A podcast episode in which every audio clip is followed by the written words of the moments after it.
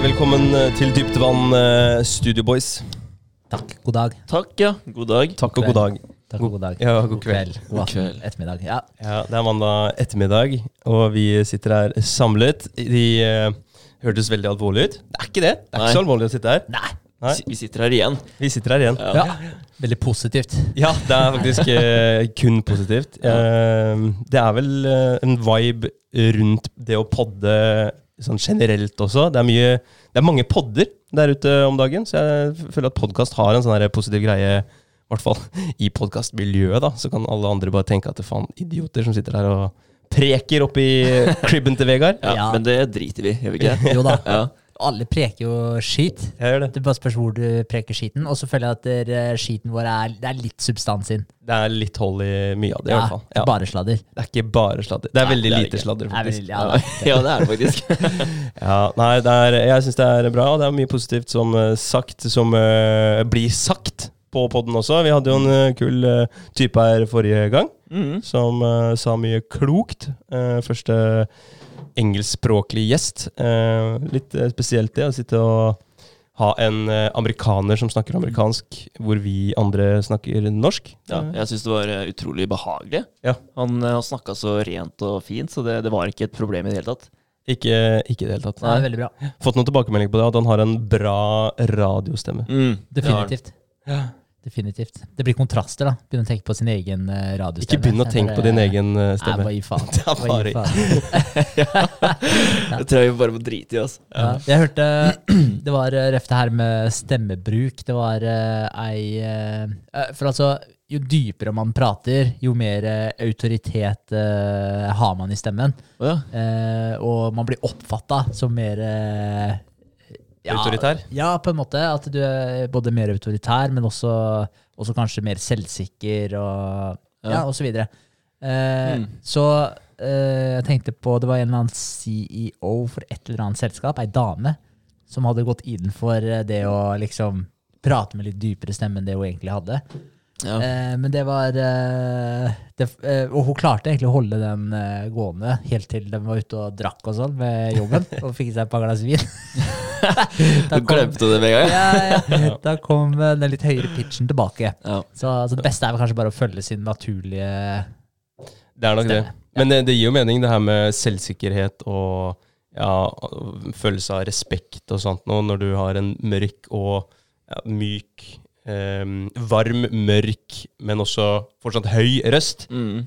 Em, og hvis du tenker de gangene du får et sånt um, squeak inn i, inn i samtalen du er i, Ja. da mister du jo alt. All pondus. Du bare blekner. Merker du når plutselig «Åh, det kommer den her. Og det bare Nei! Ja. Det måtte skje nå. Enten så står du og snakker med dama i drømmene dine, eller så har du et foredrag. Ja. Eller så er du midt i pitchen din. Så mister du det. Ja. Det er et, eh, det er Man- et godt poeng. Man merker det. Ja. Da blir man fort litt varm. Ja, det er veldig sant. Sant? Og så er det jo litt på slutten av en setning òg. Altså, ofte så kan man jo uh, avslutte litt med sånn spørsmålstegn. Og jeg merker et fyllord som da. Mm. Hvis man avslutter med det, så høres det ut som at uh, man uh, har et lite spørsmålstegn på slutten av setningen, i stedet for at man har en punktum. Mm. Ja. Og det er noe jeg har tenkt veldig på, for jeg, jeg bruker det fyllordet, og det, jeg, jeg prøver å være Ja. mer bevisst på det og legge det fra meg. Men uh, det er ikke lett. Ikke sant? Mm. For det er sånn, ja, ja, altså, men man gjør jo det, da. Så venter du bare på bekreftelse fra de andre, ikke sant? Ja. For at eh, de skal svare på det. Ja. Ja, det er sant. Veldig, veldig sant. Ja, i stedet for, ja, ta den setningen som du sa der. Man gjør jo det, da. Ja. I stedet for, man gjør jo det. Det er en påstand. Det er en bestemt påstand. Man gjør jo det, punktum. Ja, man gjør jo det, da. Ja, Skjønner du? ja, ja. Jeg var mye mer sikker på det du sa andre gangen. der. Ja, Ja, ja. var det. Ja, det er bra. Så nei, det er noe jeg skal prøve å ta meg i, så får vi se. Ja, Ja, det er nice. Men hvorfor, hvorfor bruker vi de? Er det fordi vi ikke har noe bedre å si, da? Eller? Kanskje. Kanskje. Jeg, jeg vet ikke. altså Sånne fyllord, det er jo, det er jo bare dårlig eh, Altså Det er jo dårlig Hva heter det for noe? Språklige ferdigheter. Det er, det er jo en uvane. Du trenger ikke å bruke det. Det ligger i ordet fyllord. Du bare fyller inn et tomrom med noe brukelig, Ja. istedenfor å ha noe substans, som du sa i stad. Noe som funker bra i setningen, som gir eh, setningen du bygger, mer eh, holdbarhet og mer kraft, kanskje. Mm. Ja, så hvis man har lyst til å fremstå som kompetent, så bør man jo også legge fra seg de fyllorda. de dane og ømmene. Um, Ja. jeg, jeg, jeg har mer av de ømmene enn dane, Mm. uh, så jeg prøver å legge fra meg ømmene om dane. Ja. Så ja. prøv på det. Ja, ja, nei, det er ikke så lett. Det er et eh, evig, eh, evig Hva heter det for noe? Kamp. En evig kamp. Ja. I kamp. Så, Det er det. Men, men, er man bevisst på det, så kan man gjøre noe med det. Ja. Det er mye man kan gjøre noe med, og det er vel egentlig akkurat det som er tema på disse episodene her òg. Ja. Det å gjøre noe med sine egne og kanskje andres svakheter, hvis man har mulighet til det. da. Å Mm. hjelpe andre til det, da. Ja. Men, ja. eh, men var, den, var det et spørsmålstegn, eller var det en, eh, et utropstegn? Jeg prøvde det på, som et utropstegn, men Ja. det funka dårlig. ja, jeg, jeg vet ikke. Men eh, ja, de kommer, altså. De kommer. De sniker seg inn, Ja, altså. de gjør det. Gjør det. Men, men det, er, det er veldig sant. Altså, det er jo egentlig litt det det handler om, hele, hele greia her. Det må forbedre seg litt grann, på diverse områder hele tiden. Ta med seg noen frukter her og der, og til sammen så blir det veldig bra. Mm. Mm. Jeg har lagd meg en egen liten sånn eh, Et bilde, eller en analogi Ja, et bilde. Jeg kaller det et bilde på det å bli litt bedre. Som jeg bruker eh, hos eh, mine kunder, PT-kunder. Opptur. eh, I dialog. uh, eksempel hvis vi skal ta noen tester. Hvor uh, Ja, hva er målet ditt? Uh, Hva skal du gjøre for å nå målet? Vil- Har du flere mål? Og så snakker vi om totalbildet. Og jeg liker å se på altså disse justeringene i, i livet som en equalizer. Hvis du tenker deg eh, Si du har en, eh, en stereo da, eller et miksebrett hvor du har sånne volumknotter, eller sånne knotter du kan vri på for å justere dybden, eller bassen, middel, eh, treble, altså diskanten. Eh, så har du sånne mm, brytere, vribrytere. Eh, så liker jeg å se på det sånn at det, det handler egentlig om akkurat det samme i i livene våre at du må gradvis vri på hver enkelt bryter. Da. Si du har en bryter for aktivitet. At du øker Hvis du er eh, overvektig, eh, kanskje inaktiv, ikke bruker kroppen nok, du må du øke den eh, aktivitetsbryteren lite grann. Mm. og det, når du øker den eh, lite grann, så vil du jo forandre lydbildet, hvis, du, hvis det hadde vært et miksebrett. Men her så forandrer du bildet ditt, da, livsbildet ditt lite grann. For outputen blir noe annerledes. Men poenget her er at du må vri den bryteren litt til høyre. Og så må du kanskje ta en annen bryter også, som f.eks. er søvn eller mat, og vri litt over hvis det er noe som trengs å vri over der. Da. Hvis du vet at du har noe å jobbe med, vri litt over. Eh, og så kan du ikke ta den bryteren og vri den rett opp på maks treble eller maks diskant eller maks eh, aktivitet. For hva skjer da? Da får du plutselig en jævlig skarp tone, og lydbildet er ikke optimalt. Så vi må jo hele tiden prøve å få den der eh, synken, sånn at det blir et optimalt lydbilde for deg. da.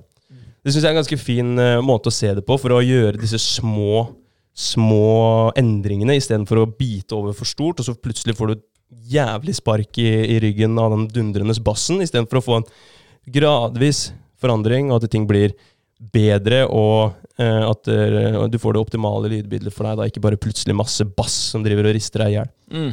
Det er veldig sant. ass. Få justert litt, på, litt på alt da, Ja. hele tiden, i stedet for mye på én ting. Ja, ja, ja. Ja. Se på det som en equalizer. At du må, må finne det som passer, passer for deg. Du kan ikke se på bassen til, til Henrik, da, for eksempel, som har en eh, ja, bass som er skrudd opp og såpass eh, høyt, og så plutselig skal du, du gjøre det samme, så funker ikke det for deg. Det er noen som er glad i mye bass. da. Det, Ikke sant? det Ja, ja.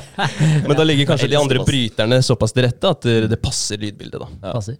Ja, men det er, det, er et, eh, det er et godt poeng. Det er en fin måte å, å se det på. Eh, Vi eh, Altså, det man Når du skrur opp den bryteren litt, det er jo, du forbedrer deg jo litt i én ting. Mm. Og, og hva skal jeg si, altså man tråkker jo, Det er litt det der orden og kaos, yin og yang-saken. Du tråkker ut i kaoset, men du er litt grann ute i kaoset. Du er ute i så mye kaos som du kan håndtere Mm. på det tidspunktet og i den situasjonen du er i. Mens eh, vrir du den eh, altfor høyt, så hopper du altfor langt ut i kaos, og du klarer ikke å deale med det. Eh, så, så det blir jo litt det, at du dypper tåa litt ut i kaoset, og så får du hanka det inn, og du, du øker dine boundaries. Mm. Så, så blir jo det på en måte en del av deg òg. Altså du, du eh, øker hva skal jeg si, skillsa dine, skillsetten din til det nivået som du er på en måte stilt inn på. Mm. Så blir det den nye deg, og så tuner den opp litt grann til. Mm. Så, så du må på en måte klare å integrere det volumet eller den bassen som du har stilt inn på. Mm. Klarer å integrere det i deg før du tar det neste steget igjen. Mm. Mm. Se på det, hvis, du, hvis du skal gå ned i, i vekt, da, så øker du eh, treningsnivået. Da øker du den eh, vriknoten. Eh, og så vet du at du må spise, spise mye proteiner da, når du skal mm, gå, i, gå opp aktivitetsnivået ditt, eh, justere det opp eh, et par hakk. Så plutselig så skrur du opp eh, matinntaket veldig mye. Da vil jo ikke det matche måla dine hvis du plutselig har justert opp aktivitetsnivået litt, og så boosta matinntaket Mm. veldig mye. Da vil det jobbe mot uh, målet ditt også. Så det er som du sier, dyppe tåa litt uti ut i det lille kaoset på den ene siden, og så får du justert deg inn, og så begynner du å justere på neste, og på neste, sånn at alle disse følger hverandre i takt. da. Mm.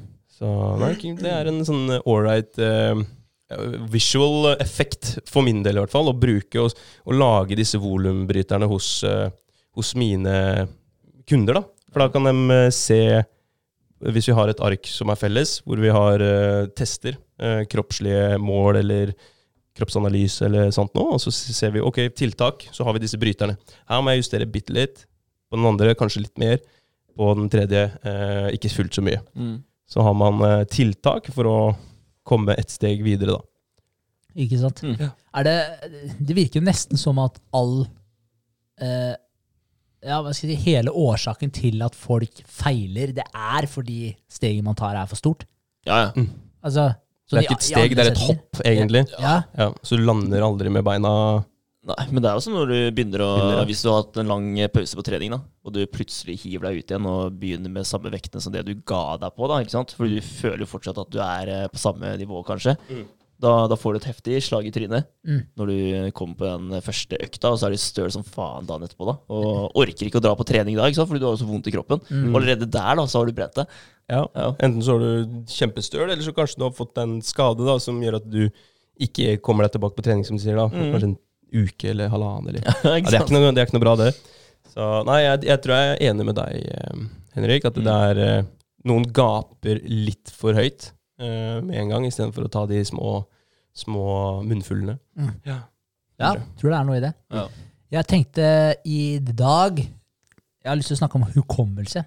Mhm. Det er, det er hva skal jeg si, et tema som er det er til stede hele tiden, egentlig. For det er ofte man eh, glemmer noen sånne småting hvor du har lagt, lagt nøk nøklene dine, eh, noe info som du mener kanskje du burde huske, men som du ikke husker.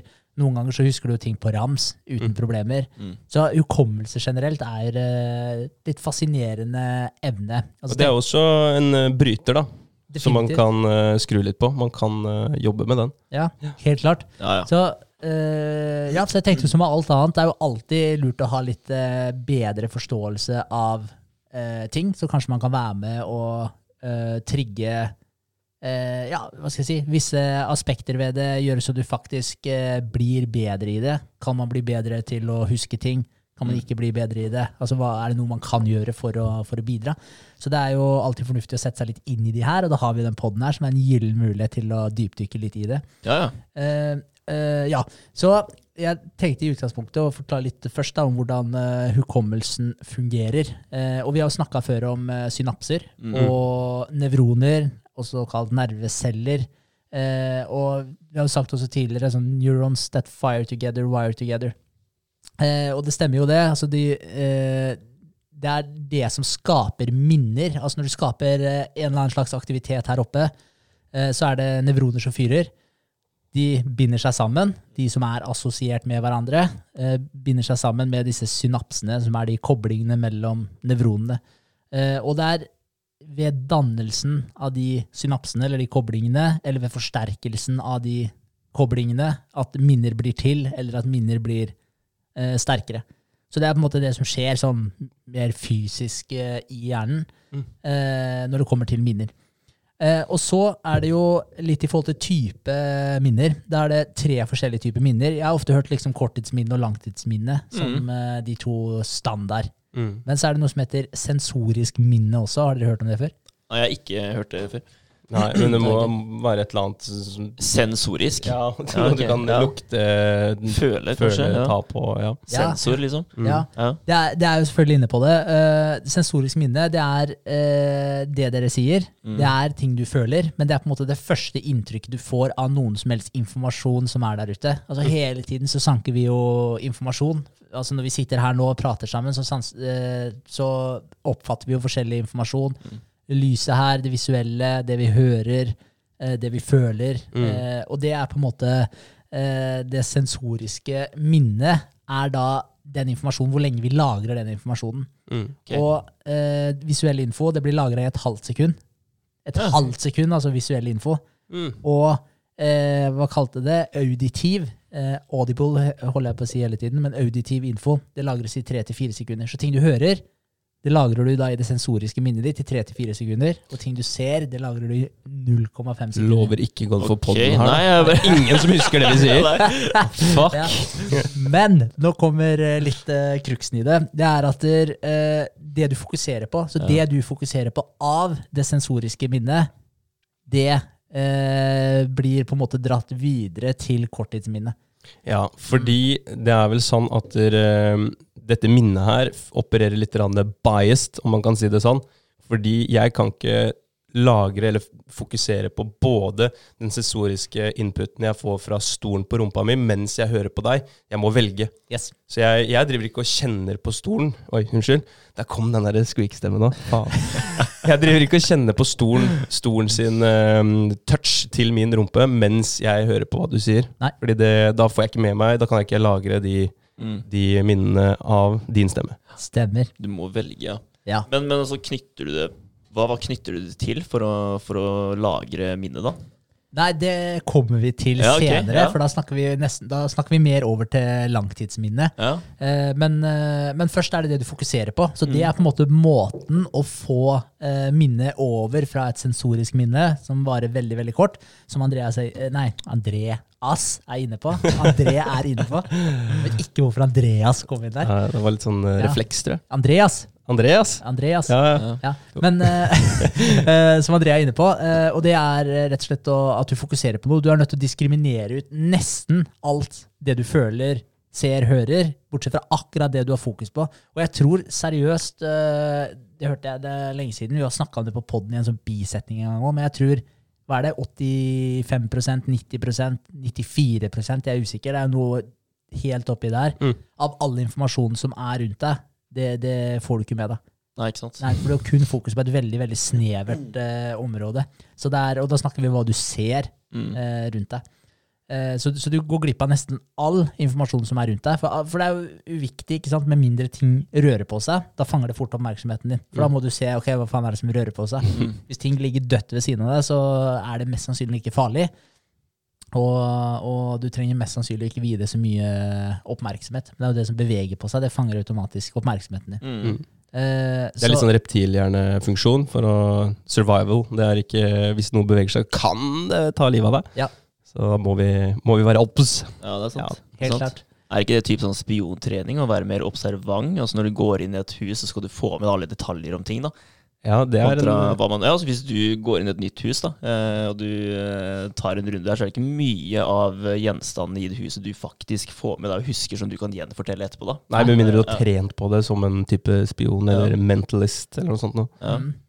Det er, ja, det er litt fascinerende, akkurat Ja. det der. Jeg vet jo med meg sjøl, det er ofte Sofio legger ofte merke til eh, type klesplagg, interiørgreier, altså et eller annet sånt derre ja. ja, og bare sånn eh, Ja, fin den eh, For eksempel, jeg, jeg vet ikke hva det skulle vært, det er en sofaen, eller jeg, jeg vet ikke.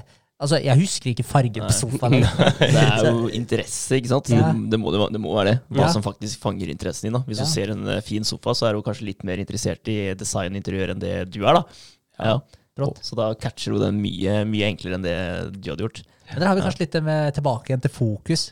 Ja. hva du faktisk fokuserer på, for Ja. å få den informasjonen over fra For meg så er det sånn ja, et sensorisk eh, minne, og that's it. Borte, borte igjen med en gang, Mm. mest sannsynlig. Den sofaen ga deg litt komfort på rumpa di der og Ja. da, men du tok ikke med deg det, liksom. Nei, Nei. men det kan hende med Sofie, da. Hvis hun ser den sofaen, så er det sånn eh, Jeg vet ikke om sofa var det beste eksempelet, men eh, anyways, poenget står fortsatt. Mm. Hvis hun ser den sofaen, så kanskje hun tenker Oi, den fargen der var fin, og så kanskje å se for seg et lite øyeblikk hvordan den fargen kunne passa inn hjemme. Mm. Og det kan være nok for at hun faktisk husker den fargen. Ja, det kan være nok til at det blir en ny sofa hjemme.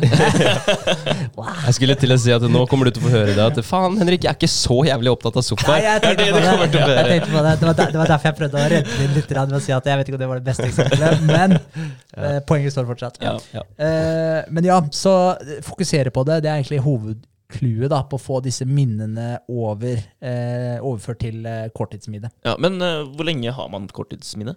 Korttidsminne den er eh, neste på agendaen her. 20-30 sekunder er informasjonen lagra i korttidsminne. Så det er ikke lenge. Ok.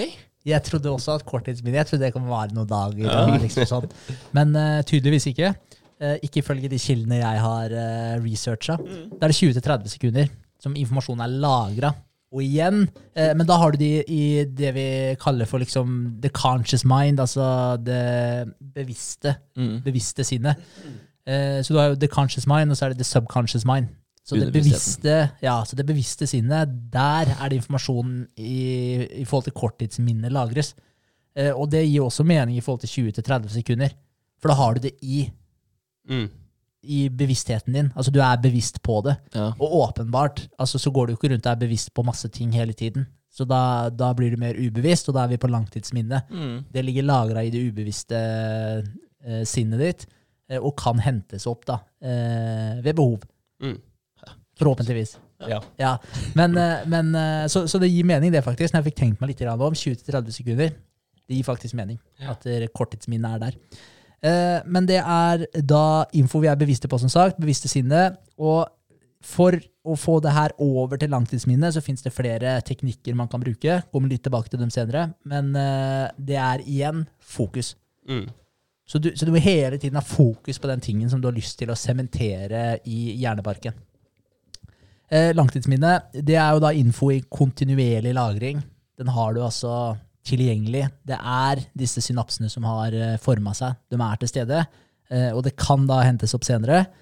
Eh, og da er det ofte forskjellige typer trigger og sånn da, som, som man kan bruke til å hente opp disse minnene fra langtidsminnet.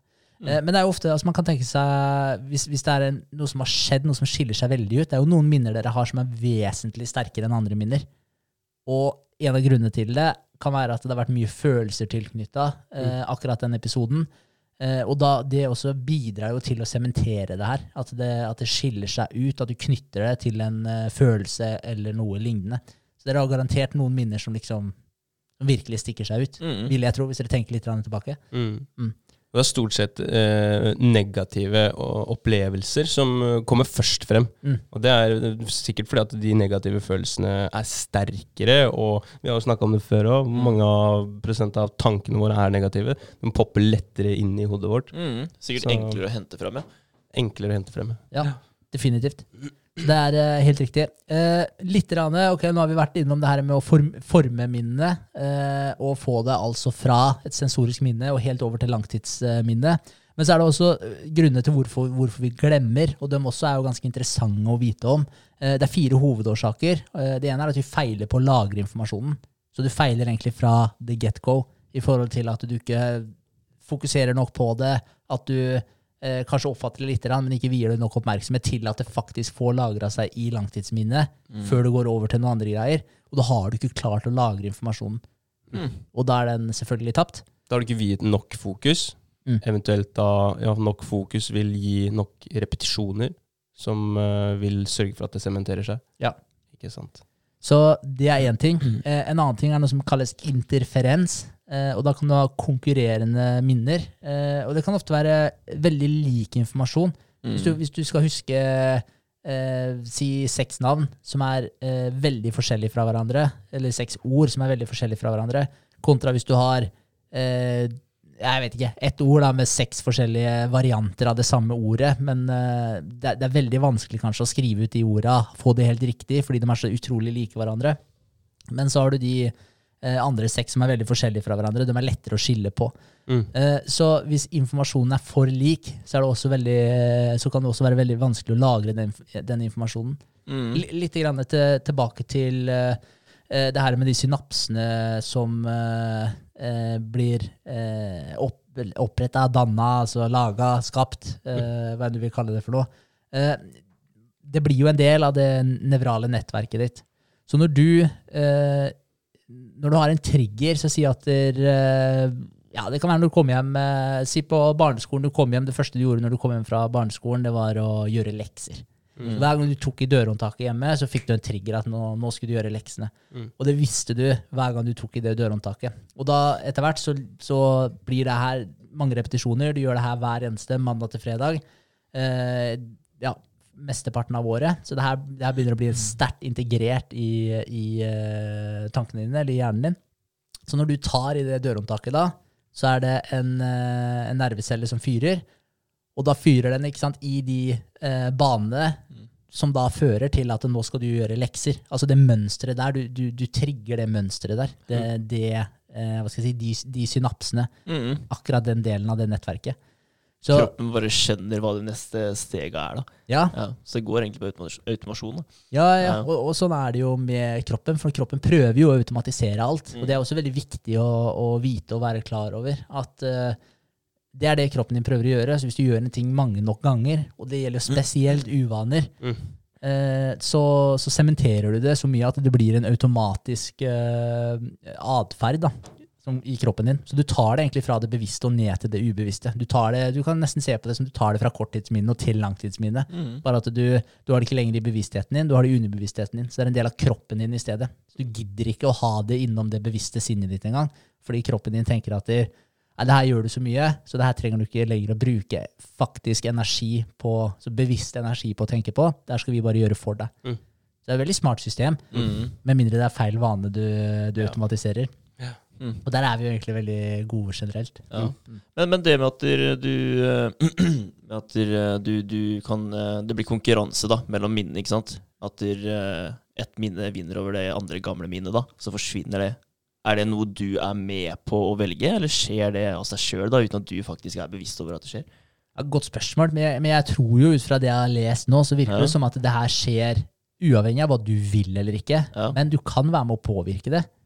Ja. Kan du, faktisk. Men, eh, men eh, Ja, men jeg tror det skjer Hva skal jeg si? Vi kommer til neste punktet. Det er motivert glemsel. Traume. Mm. Ja, ok. Ja, så Ja. da kan du på en måte eh, prøve å fortrenge en ting. Nå vet ikke jeg hvor sunt det er å drive og fortrenge shit, men, men du kan eh, som sagt eh, bevisst prøve å gå inn for å glemme en ting. Ja, ja. Og, det, det, det ja. blir jo egentlig litt sånn eh, når du har eh, eh, fotoalbumet oppe på telefonen, da, og du er nødt til å rydde litt eh, i den, ikke sant? Og du går mange år tilbake i tid, da. Så, så er det jo noen bilder som betyr mer for deg enn det andre gjør, ikke sant? Og da må du jo rydde på den måten her, ikke sant? Så det er jo sikkert kanskje litt samme måte som det fungerer inni, da, bare at du ikke er bevisst over det. Ja, ja, Mm. helt klart. Og, det, og da blir det jo sånn eh, De minnene som betyr mest for deg, dem vil du kanskje sikkert både på godt og på vondt, men de vil du kanskje sikkert gå tilbake og eh, oppleve eh, her oppe Mm. eh, oftere enn de minnene som ikke betyr så veldig mye for deg. Og på den måten også så vil du jo aldri forsterke de synapsene til de minnene eh, som ikke betydde så mye. Ja. Så da vil jo de sakte, men sikkert eh, dø ut, fordi de ikke blir vedlikeholdt, egentlig. Mm. Ja, det er sant, altså. Da forfaller den broa, da. Ja. Ja. Mm. Kult. Mm. Eh, den siste det er at du feiler på å hente info. Det som er litt kult, eh, det er, du vet den der når du har det på tunga. Du husker det. Ja. Det er liksom Ja, det er, du er så sykt close, og alle har jo hatt den hundrevis av ganger. Ja. Eh, det, eh, når noen sier eh, et annet ord som ligner eller noe sånt, eh, for den prøver å hjelpe, ikke sant? Har du vært borti det? Hvis, du, hvis du prøver å si et sånn der, hvis det er et navn eller noe sånt, nå hørte jeg et eksempel eh, på det. Det var sånn der, ah, hva heter han der eh, pro-surferen igjen?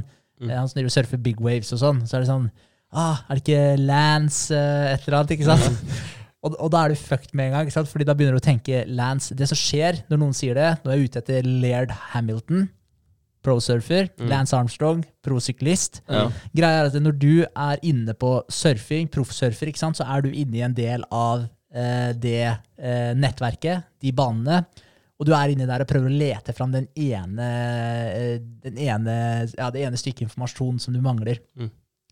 Når noen sier til deg 'Lance', så begynner du å blande inn sykkel. ikke sant? Ja. Da hopper du over til en helt annen del av hjernen din, der hvor den, det minnet osv., alt som har med den biten der å gjøre, blir aktivert. Så da tar de deg faktisk bort fra der hvor du egentlig har det stykket informasjon som du kunne henta opp.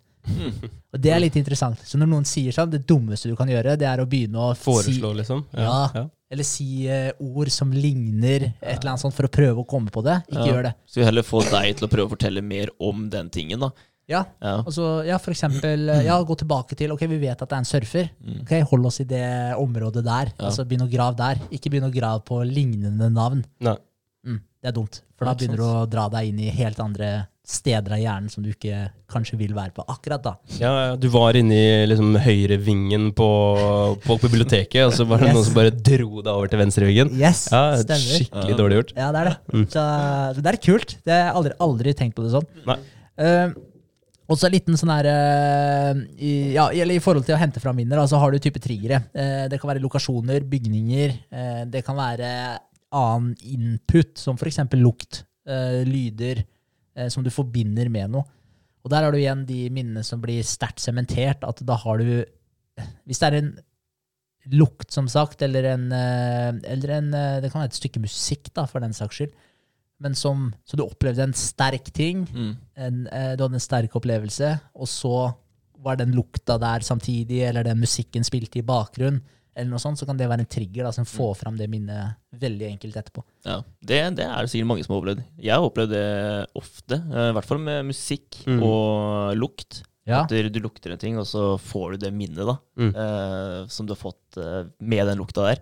Mm. Så det, det har skjedd meg flere ganger. Og musikk òg. Gamle sanger som du har hørt, som du har fått en tilknytning til. ikke sant? Og du, du syns han fortsatt er bra òg, da. ikke sant? For den betyr ganske mye for deg. Og du, den opplevelsen du hadde mens den sangen spilte i bakgrunnen.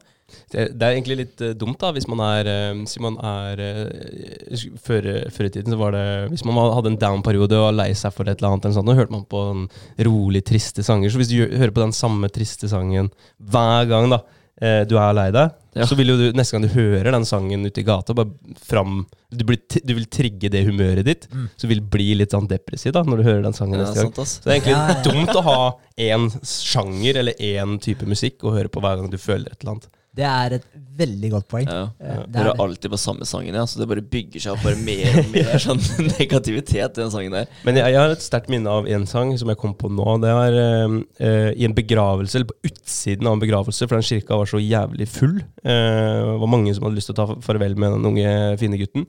Men da han, eh, han ville ha 'Nothing Else Matters' som sin låt da i kirka.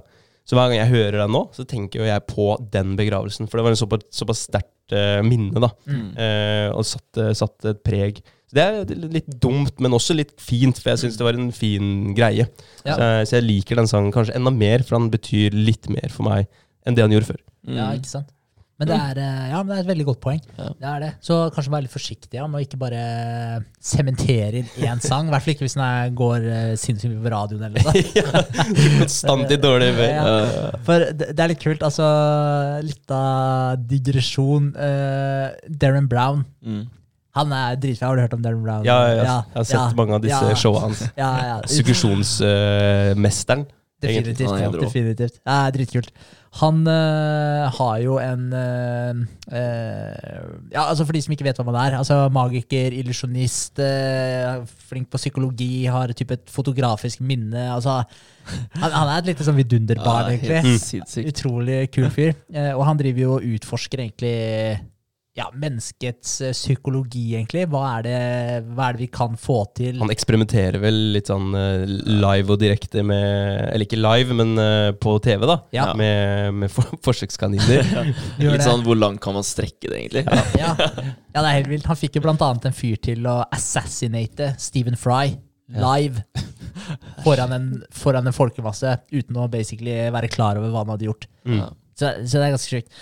Og han, eh, han eh, fikk jo Han skulle jo få en fyr Eller han lurte på om han kunne klare å få en person til å tilstå et drap som han ikke hadde gjort. Ikke hadde begått. Og da brukte han akkurat de greiene her for å trigge dårlig samvittighet hos den. Så, så han, eh, så han satt den i sånne dårlige situasjoner hvor han uh, møtte forbildet sitt. ikke sant? Og så ble brått forbildet hans uh, Han var jo med på hele greia, selvfølgelig. Og så ble brått forbildet hans uh, jævlig grinete på han fordi han sa et eller annet. Så han trodde han hadde sagt noe skikkelig feil. Ja. Uten at han helt klarte å catche det, så han trodde han hadde misforstått. Og det er jo en kjip situasjon å havne i. Og da hadde han en trigger at en annen i rommet tok den på skuldra, samtidig som det ble spilt av en sånn der plingelyd, sånn Ja. bjelle. Og, så det var den tappen på skuldra sammen med den bjellelyden som bare forsterka den dårlige samvittigheten. Så han fikk en til å føle seg ræva ved x antall episoder, og spilte alltid av den der eh, lyden, og fikk en til å ta den på skuldra. Det anbefales å se den, altså. Ja. og, og etter hvert så kunne han bare spille av den lyden når han ville at han skulle føle seg dårlig. Du Mm. ser han basically skifter vesen når den uh, kommer. Det er helt, uh, helt merkelig. Mm. Så, så vi er ganske Spot on der, ja. Ja. Vi snakka vel litt om det forrige episode òg. Var ikke det i forbindelse med mm, fabrikkarbeidere? Der spiller man av en, eh, en Der er det en bjelle hver gang et skift er over, og et nytt skift Ja, starter. Ringeklokka på skolen. Ja, liksom. ringeklokka Ja. på skolen og sånt. Og da, det vil jo alltid forbindes med, med et eller annet. Så ringeklokka på skolen er jo, var jo nice for vår del, for da var det friminutt. Da var det sånn «Wah!» Løp man ut og herja, liksom. Men eh, på, på en fabrikk kan jeg se for meg at det er litt stressende. Hvis det er sånn hver time så er det en ny Eller en klokke som ringer, og da skal du f.eks. bevege deg fra A til B, da, eller, eller du skal gjøre en ny oppgave, eller litt sånn stress. Hold deg gående, hold deg gående. Ja. ja. det vil jo påvirke deg på en eller annen måte. Det er klart det gjør det. Det blir jo systemet. Mm. Ja. Definitivt. Ikke tenke sjøl, Ikke bare gjøre. Ja, Ja, men det funker, da. Det, det gjør jo det. det gjør det. Men, men der ser man nå da hvor, eh, hvor formbare vi er. Mm. Det er jo helt sinnssykt. Og det, der ser man hvor mye kontroll vi kan egentlig ta over våre egne liv òg, da. Hvis vi finner en, en, en lyd å spille av hver gang vi gjør noe bra, f.eks. Mm. Og så bare programmere et eller annet. Finne et system på det. Mm. Hver gang du gjør det du fucking skal. da Du er ferdig med en treningsøkt, eller du skal i gang med en treningsøkt, eller du har jobba en time med, med prosjektene dine, eller lest de ti minutter med ti sider. Så spiller du av en eller annen lyd, eller gir deg sjøl en godbit. Ja, Litt som uh, Ja, den bikkja. Ja, Den er ikke dum, den. interessant. Kanskje. Vi skal kjøre et forsøk. Kanskje det. Ja, det var, det var litt interessant. Kult tanke. Uh, en annen ting er jo det her at man ikke skal bli nervøs hvis man uh, glemmer ting. Fordi, uh, spesielt hvis man blir litt eldre, begynner å nærme deg 50, kanskje 60, og så glemmer du ting. Når du er yngre, så tenker du ikke like mye på at du eh, glemmer ting. Eh, altså da Kanskje du bare finner fram Google, og så søker du det opp med en gang. Og, eh, og når man blir eldre, så kan man ofte kanskje knytte det opp mot noe sjukdom eller et eller annet, at man blir nervøs for at noe sånt skjer. Men det er en stor forskjell på å glemme et navn, eller glemme Altså, du skulle gå og hente en ting. Ah, hva var det jeg skulle hente? Mm. Det er en stor forskjell på å glemme de tinga, og glemme hvordan bilen din ser ut. Mm. Eller hvordan du kjører en bil. Altså, altså det, er, det er forskjellige nivåer her. Ofte så er jo de tinga man glemmer, det er sånn derre småtull, da. Sånn som ja, navn eller nøkler eller uh, mobiltelefon hvor, hvor ting ligger og sånn. Uh, men det er ikke noe uh, Det er ikke noe å være nervøs for. Det er, det er helt normalt. Det er ikke knytta opp mot noen type sykdommer. Det er verre hvis du som sagt glemmer hvordan bilen din ser ut. Da, da burde du begynne å, Da burde du kanskje oppsøke litt hjelp. Men, men, eh, men, det, men det er litt greit å vite det òg, for ofte kan man sikkert være hard mot seg sjøl og tenke «Ei, fuck, det her burde jeg huska. Eh, er det noe som skjer med meg? Men Mm. nei, det er ikke det. Det er, det er helt normalt. Mm. Og det har litt igjen tilbake til det med å vie fokus til noe. Hvor mye fokus via du til den tingen? Eh, og da har du bare ikke fått lagra det over kanskje i korttidsminnet, over i langtidsminnet. Ja. Og at det sikkert går på automasjon. da Altså Som bilnøklene, hvor du la dem. Det er veldig automatisert at du bare legger den eh, en eller annen plass. Ikke sant? Ja. Uten å faktisk tenke eller fokusere så mye på det du gjorde der. da Mm. Ja. Så går du alltid tilbake dit og sjekker, og så Oi, de lå ikke der. Da har jeg glemt det. Ja. Men uh, faktisk så er det bare en liten bagatell, da. Mm. Ja, Mm. helt klart. Og, og det kan også være en ting, altså hvis man går i et annet rom og du glemmer eh, hva det er du lette etter. Så hvis du går eksempel inn i Ja. ja. Flere ganger. Ja. Så, så hvis du, hvis du Si du står på Si bilnøklene. Du husker at du la dem på kjøkkenet, tror du. Og så går du inn, eh, inn på, på kjøkkenet, eh, og så glemmer du hvorfor du er der. Mm. Så, men da er du på et kjøkken. Det er ikke naturlig at du skal fly og lete etter bilnøklene på kjøkkenet lenger. Da, da hva du gjør på kjøkkenet, jo, du spiser, lager mat osv. Det lureste å gjøre da, det er å gå tilbake der hvor du kom fra, Mm. og så stå der heller og tenke på ok, hva var det jeg skulle for noe. Mm, Da er, det, da er det større sjanse for at bilnøklene kommer fram. Ikke Så, sant. så det er sånne småtriks. Ja. Ja, godt triks. Eh, så hvordan huske bedre? Det er eh, neste chapter her. Eh, og det er flere måter å gjøre det på. Det er en liten disclaimer her. Det er, det er at det, du, du kan ikke bli så mye bedre på å huske. Du kan huske teknikker, men det betyr ikke at hvis jeg har en husketeknikk, og jeg klarer å huske så og så mange tall etter hverandre, eh, og dere ikke har den husketeknikken og ikke klarer å huske så mange tall etter hverandre, kapasiteten min til å huske kontra deres er ikke noe bedre. Det er bare at jeg har en teknikk å, Mm. å huske på. Ja. Så, så det er ikke det at du forbedrer kapasiteten din til å huske, men du forbedrer rett og slett bare eh, måten du lærer deg å huske på, og du, Mm. og du klarer å huske akkurat de tinga vi snakker om, bedre. Du Så- knytter det til en ting du kan bruke for å komme tilbake til det minnet. Ja. Ja. Så, så det er også er litt viktig å presisere, for det, det betyr ikke at man eh, ja, er tjukk i huet, at man ikke klarer å huske ditten og datten. Men det kan hende du bare ikke har de riktige verktøyene og den riktige teknikken for å lære deg å huske bedre. Mm. Eh, men noen tips til å huske bedre, eh, det er å skrive det ned. Da får du også en repetisjon, samtidig som at det krever mer av deg å faktisk skrive ned en ting, enn å bare gjenta det eller lese det inni deg. Mm. Så det blir eh, Du får den automatisk, den repetisjonen. Det hjelper. Eh, det andre er å tilknytte den mening. Det snakka vi litt om tidligere nå. Derfor man ofte husker de negative minnene mye mer, kanskje. Mm. enn, eh, men selvfølgelig også de superpositive. Men negative følelser er jo generelt sterkere enn positive følelser. Altså sånn, Man husker det i hvert fall uh, vesentlig bedre. Mm. Er det ikke noe sånt Jo, det var ikke en negativ følelse. Eller sånn. altså, er ikke, oppfatter man ikke negative ting som åtte ganger sterkere eller noe sånt enn positive? Det er mulig. Jeg, jeg tror det. Og det har jo igjen eh, tilbake til det her med overlevelse å gjøre. Ja, ikke sant? Så, så at du skal bite deg merke i eh, negative, negative ja. ting, for det kan faktisk drepe deg. Positive ting, ja, det er positivt, men Ja, ja. det kan ikke drepe deg. Så det negative går enda mer inn på det eh, instinktet ditt. da. Ja, Ja, Definitivt. positive. Ja, ikke sant? Ja, det er med. Mm. Eh, så er det å gjenta ting. Eh, og der er det ofte hvis man studerer, pugger, Mm. og, og der er du litt tilbake til den synapsen igjen. Så hvis du får den nervecella til å fyre, eh, og du, du har skapt en eh, synapsa mellom de nervecellene som trengs, så begynner du å forankre det minnet. Jo mer du repeterer det, jo sterkere blir den synapsen, og jo Mm. lettere er det å hente det fram senere. Så det blir et sterkere minne. Så repetisjon er viktig. En annen ting er å kunne gruppere eller kategorisere minner. Det er ikke noe jeg har vært så veldig flink på akkurat, men det skal tydeligvis hjelpe det òg. Mm. Ja. Men er det liksom noe altså, noe, altså med pugging, da? Eh, jeg er veldig på det å, med navn, da. At jeg lett glemmer navn, ikke Mm. sant? Eh, og liksom teknikker der er at eh, ja, når du hører navnet, så bruker du navnet hans uh, idet du hilser på han, da. Ikke sant? Du, du bruker det på nytt igjen med en gang. Uh, for å få det inn uh, enda en gang, da. Ja. Men hvis det går et par dager og du møter sånn person, så er det veldig fort gjort å faktisk glemme det, da. Mm. Det er det. Er det noen type teknikker der, eller? Eller er det bare å si det navnet veldig mange ganger eh, for deg selv? Ja, Nå spør du en som er utrolig dårlig på navn sjøl, som jeg prøver virkelig å bli bedre på det. For Ja. jeg mener at der, eh, Vi har, vi har prata om det før, og spesielt i forhold til How to Influence and influence people. Mm. Det med hvor viktig det er å huske navn. Mm. Folk holder navnet sitt Hellig. veldig Ja, det er hellig. Ja, ja. Så, så, men jeg tror det er det ene i forhold til det vi har prata om nå, det med å, å få det over fra For det første er det jo et uh, sensorisk minne. Mm. Uh, auditivt.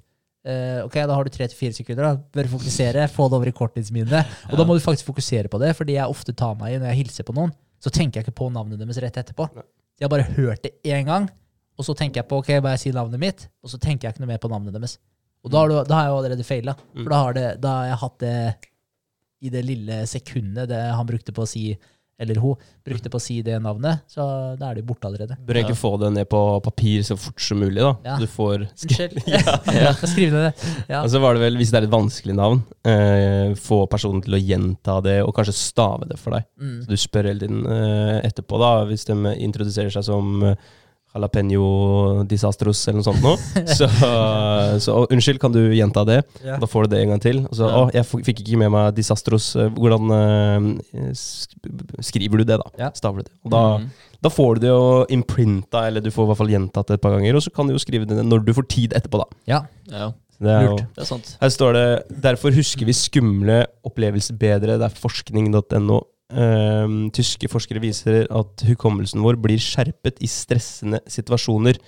Så det er jo rett og slett at repetisjonen, eller impactet av disse uh, synapsene, eller denne kjeden med nerveceller, den får en uh, større reaksjon, da, en større elektrisk impuls, rett og slett Mm. når det skjer noe stressende. For det er noe som heter one um, eh, One trail memory, eller one trade memory. Tror jeg det heter One trait memory. Trait. Ja. Er det det heter? Når du har For vanligvis så må man eh, pugge hvis man skal lære seg eller huske noe.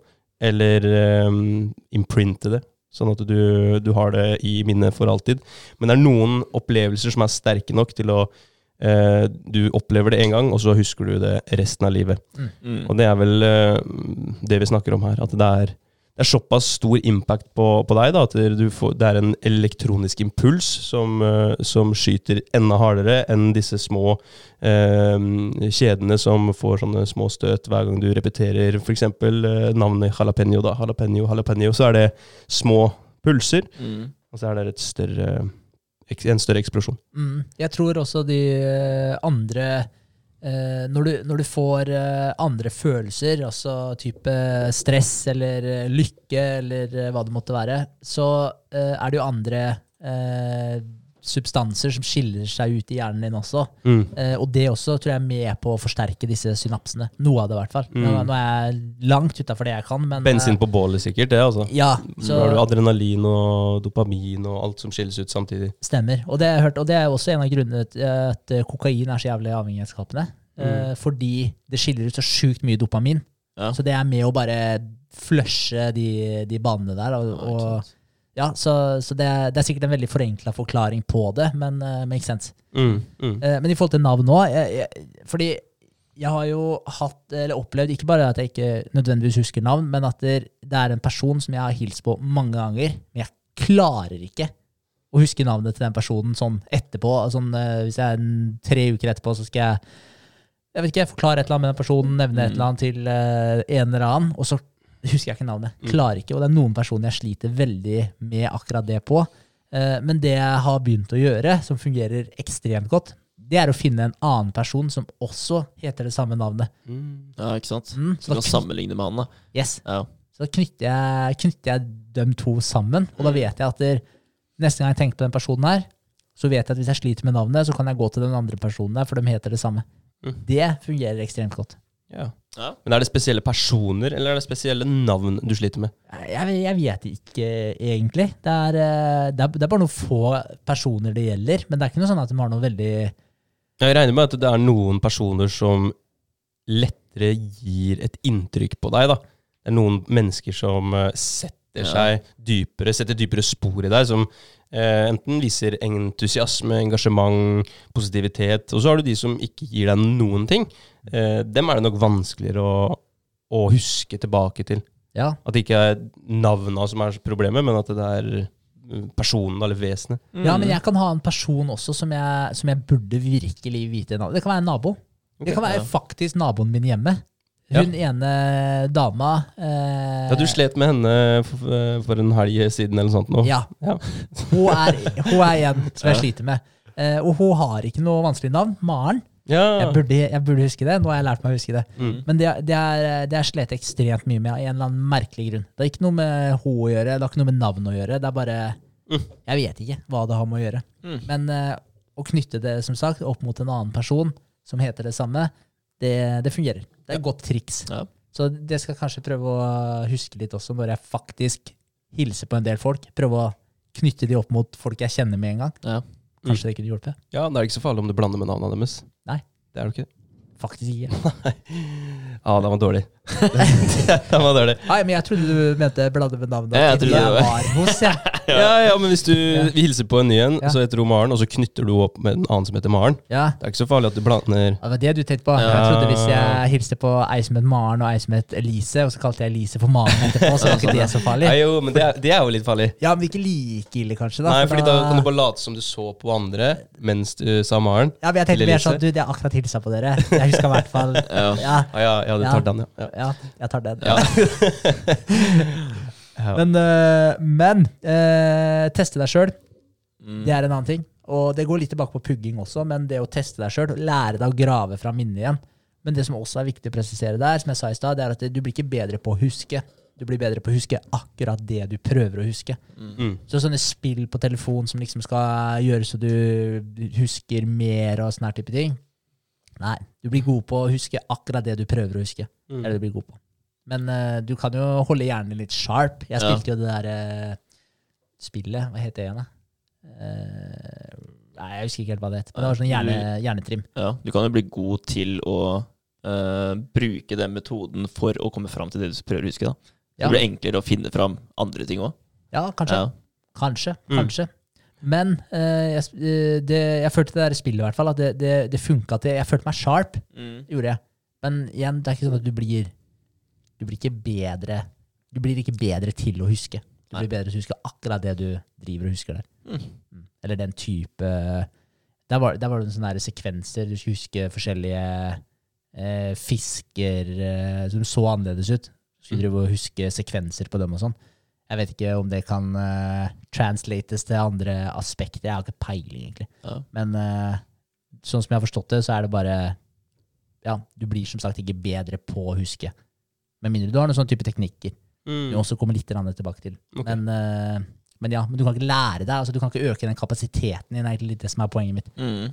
Nei. Du kan ikke gjøre, gjøre um, nervecellene måte Kan du hva skal jeg si, kan du formere nye minner, nye nervebaner, med å eh, Eller må du erstatte?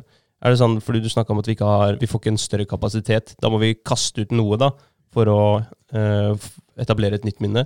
Nei, ja, da kommer ja. konkurransen, da. Gjør det ikke? Jo, men du får også, du, du får også nye nerveceller. Mm. 1400 nye nerveceller leste jeg at man, uh, man får uh, per døgn. Og du har noe sånt som Hva var det for noe? Gjennomsnittlig 86 milliarder nerveceller i hjernen.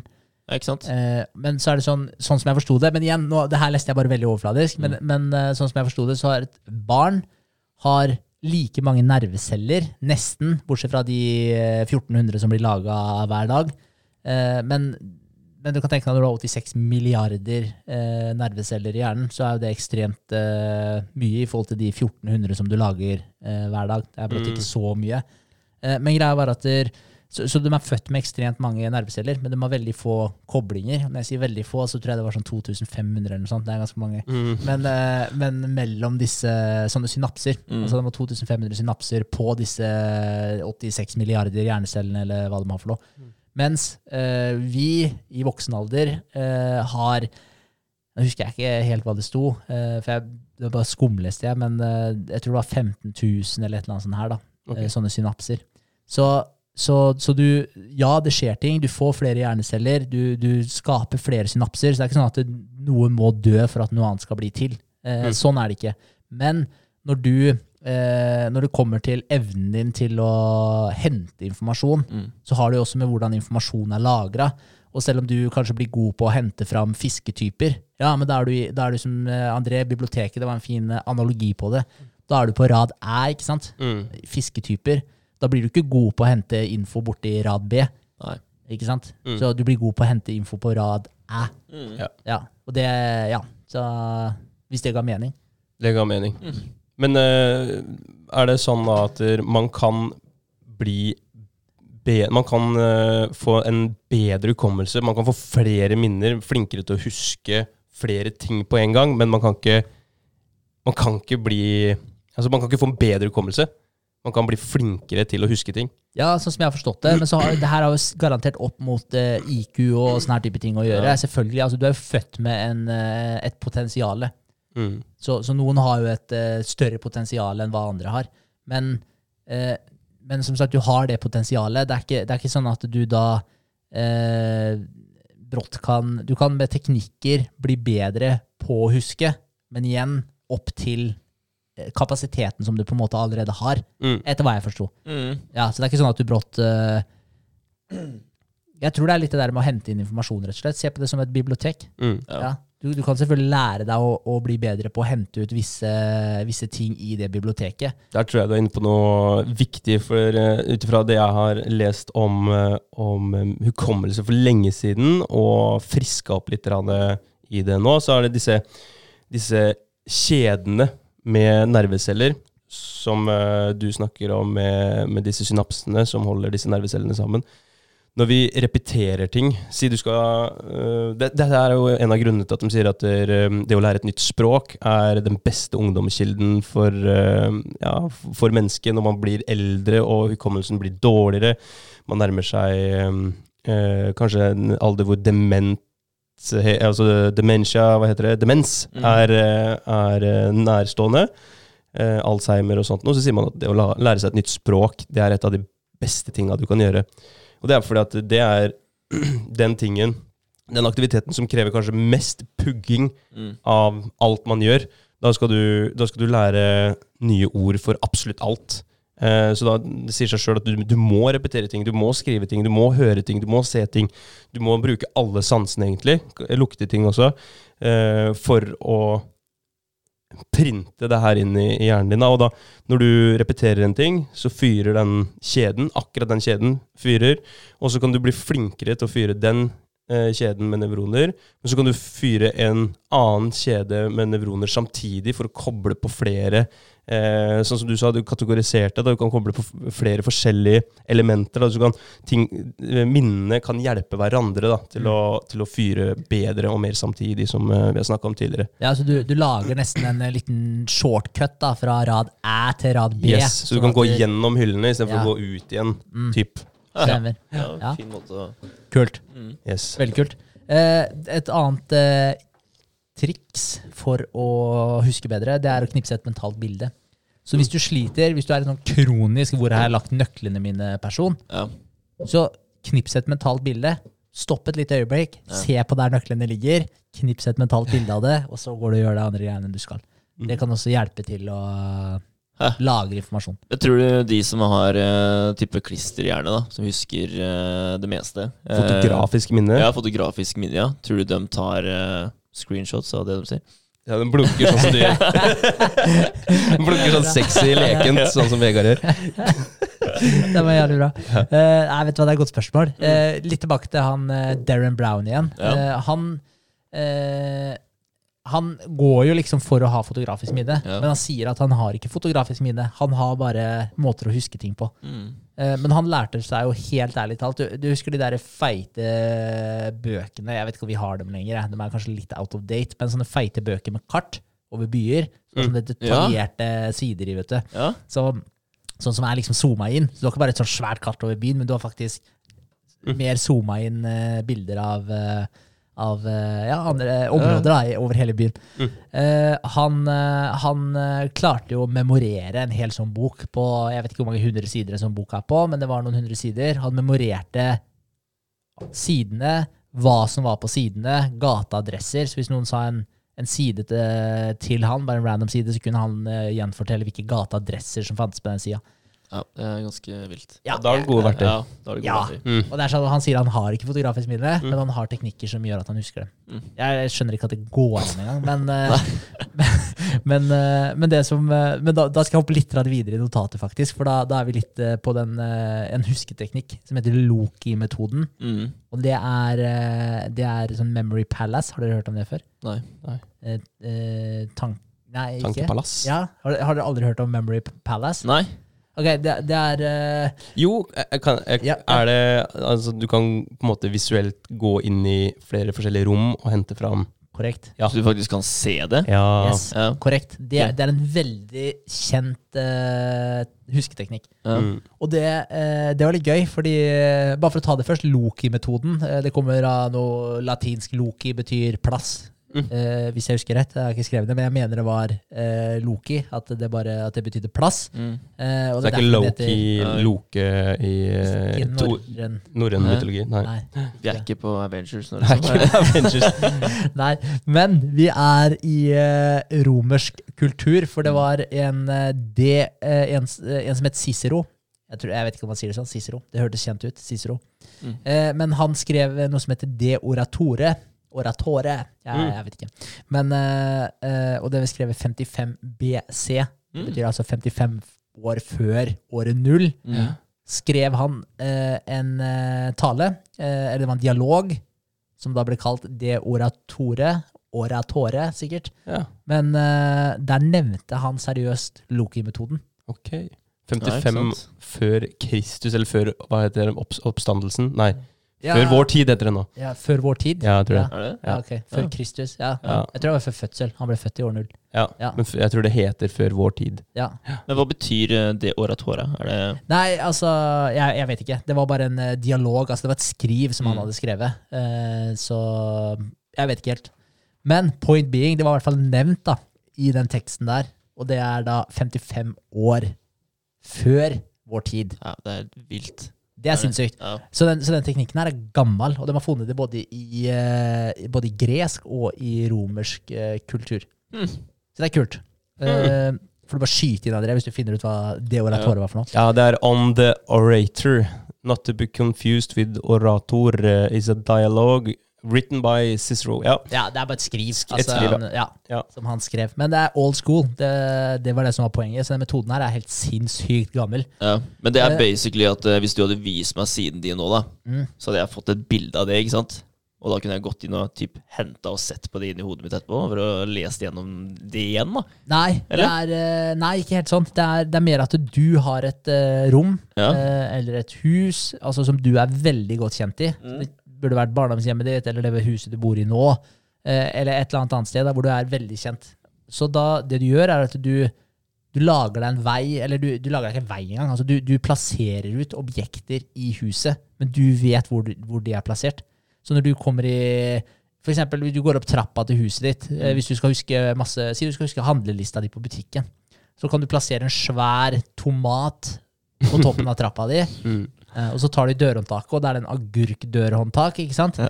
Og, så går du, og så går de inn, og så, og så møter du på et par avokadoer som hopper i gangen din. Altså, det, er- det er på det nivået der. Så, så du lager deg eh, Men da kan du gå hvor du vil inn i huset. Så når du kommer ned etterpå igjen og skal lukke døra etter deg, ja, men det er agurkhåndtaket der. Skjønner du? Den Ja, men det er- jo helt sjukt, da. Altså, har, dere, har dere gjort det før? Har dere Jeg har ikke brukt det så aktivt. Nei. Nei. Nei ikke det.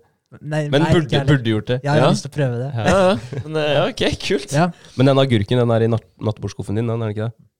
ja. Ok.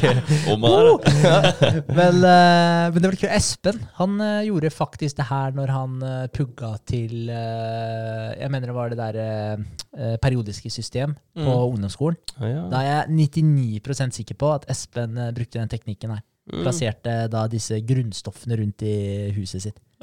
Ja. Og han uh, aisa den prøva, det er jeg ganske sikker på. Ja, ikke sant? Så, så ja. Men uh, det, det som er litt kult, er at den bruker de greiene her. Den teknikken den blir seriøst brukt aktivt i World Memory Championship.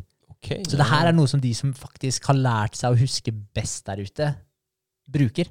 Dæven. Og det er litt sjukt, fordi han som vant, og da var det noe tall fra 2006 her, men han fyren som vant i 2006, han brukte 30 minutter på å huske 1040 randome tall. Å, fy. Og han hadde da en sånn type Et sånt eh, Memory Palace, hvor han hadde plassert Eller hvor han hadde 300 punkter Mm. som han var inne på og besøkte for å huske alle de tallene her. 300 punkter! Og det her er brukt da nå, eh, og for 2070 år siden. Ja. ja. Det er ganske rått. Det er helt Uh, Da, da, er det, da ligger det noe bak det her også. Det er tyngde. Da er det et godt verktøy, ja. Ja. Jeg Ja. mener jeg, jeg har brukt det på skolen en gang før også, men eh, jeg, jeg klarer ikke huske at det, at det har funka bra. Men eh, det frister jo å prøve det igjen da, når man går gjennom disse detaljene igjen og, og ser hvordan disse knaggene opererer, hvor mye sterkere ting blir når du knytter to ting sammen, og så fyrer disse ja, disse mm, nevronene da, fyrer samtidig, og, og de som fyrer samtidig, de hjelper hverandre på et sett og vis. Så når du tenker på mm, agurken til handlelista og dørhåndtak, så har du de to tinga der da, som kan hjelpe, hjelpe deg å, å finne den agurken på butikken. Mm. Kult. Ja, det er, det er jo dritfett. Det er et ekstremt kult verktøy. Det er fett. Kanskje det er en bra YouTube-video der ute som kan forklare hvordan man gjør det. Garantert. Ja. Ja, ja, garantert. Men jeg har jo hørt altså, altså Sånn som eh, Jordan Peterson, han bruker det her Mm. aktivt. Ja. Ja, Darren Brown, som sagt, han bruker det også aktivt. Mm. Så det er, det er mange som, uh, som profilerte folk som bruker den teknikken her aktivt. Mm. Men, det, men det som er litt kult, altså det, det jeg egentlig kanskje har mest lyst til å prøve å venne meg til å bruke det på, det er egentlig å få en tidslinje. Uh, altså at, uh, Jeg vet ikke hvordan man skulle gjort det, da, men at man har hatt et rom til hvert århundre eller noe sånt. Fordi å huske ok, hva var det som var faktisk skjedde på 1600-tallet, hva skjedde på 1700-tallet, 1800-tallet, Ja. 1900-tallet, 2000. Ja. Det er Altså. Det er veldig vanskelig, Ja. fordi jeg, jeg blander de fort sammen. Mm. Mm. Jeg har ikke peiling på hva som skjedde på 1600 kontra 1700. Altså jeg har ikke peiling, Men hvis du kunne plassert de minnene i forskjellige rom, som var tilknytta de århundrene, Mm. Da er det muligheter. Satt Napoleon inn på soverommet ditt, liksom. Og, Ja. ja. Ja. Men åssen funker det her? da? Jeg bare, altså, hvis, hvis du hadde blitt uh, stilt et spørsmål da, uh, under, en, uh, under et foredrag da, som du holder, ikke sant? og du, du er nødt til å gå inn i, i huset ditt, da, inn i hodet, for å finne det svaret, ikke sant? Ja. Da lukker Berger øya, da. Ja, men bare- ja. Der så bare altså, Oi, der peker litt i radene. Ja.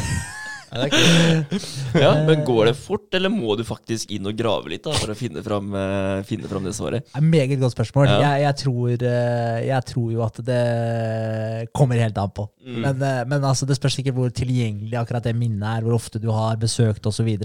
Uh, vil jeg jo tro. Ja. Men det kan jo hende Jeg tror jo også at du, du kan gå inn der, og hvis det er noe som du har plassert for lenge siden, som ikke du har vært og besøkt igjen, akkurat det minnet, så tipper jeg altså, du kan bruke den teknikken her til å faktisk gå inn og virkelig tenke deg mer om. At du har det mer visuelt, og faktisk klarer å få tak i det. Ja. Det tror jeg også. Men jeg tror det blir på lik linje med, med hvor enkelt, hvor lett tilgjengelig du har annen informasjon. Mm. Tror jeg. Ikke sant. Så, men, eh, men du kan se for deg, da, hvis du har en, eh, hvis du har en, en stue liksom, hvor du har plassert ut x antall objekter, eh, kanskje i en hylle på veggen, så, så kan du jo, eh, hvis du har vært der veldig mange ganger, Mm. men, da, men igjen, da har du jo bygd de synapsene også veldig, veldig sterke. Så da er de jo på en måte lett tilgjengelig. Men Da da, er du der fått, ofte, ikke sant? ja, Ja. da kunne du fått en oversikt over den hylla. Ja. Og da hadde du jo kanskje fått alle disse minnene veldig fort på plass. Mm. Mens hvis du bare hadde, hvis du hadde hva skal jeg si, ligget og fløte litt mer rundt, altså sånn i hjernen din, så vil det sikkert være på liksom sånn, den fysiske lokasjonen vil være den samme, Mm. men det vil på en måte være litt mer svevende hvis ikke du har klart å plassere alle de i den samme hylla. Mm. Jeg vet ikke. Ja. Kanskje det er viktigst å bare ha et sterkt bilde av selve stua, da. Og, ikke, altså, og plasseringene, men ikke hva som er inni de forskjellige plasseringene. Du, du, du har huset, eller stua, går inn i stua, og så kommer du til eh, ananasene som står der. Og så tenker du at ok, det er, der er eh, swingersaktiviteten foregår,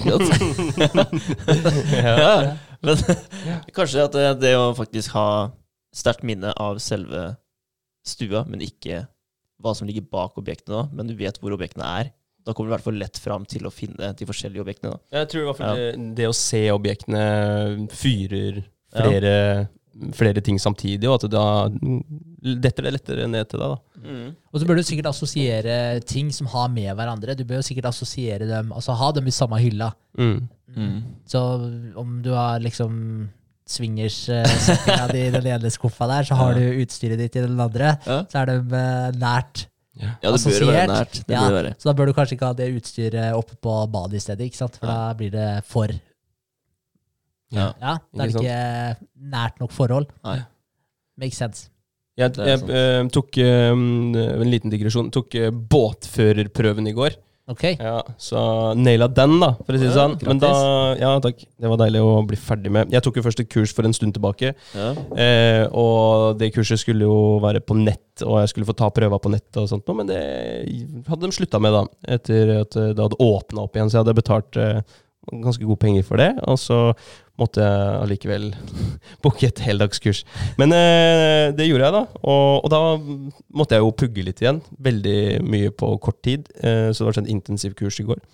Og bare for å ta det, da. Det som jeg merka eh, veldig godt hjalp meg, det var å sette da bruke litt noen av de metodene som vi har brukt nå, men sette eh, et symbol Trigge eller mm, knytte et symbol til den tingen jeg skulle huske. Mm. Det er noe som heter kardinalmerker på sjøen. Det er noen sånn eh, forskjellige merker overfor hvor du skal kjøre. Om du skal kjøre på trygg side av en gjenstand, så har du Mm. på vestsiden eller østsiden, nordsiden, sørsiden.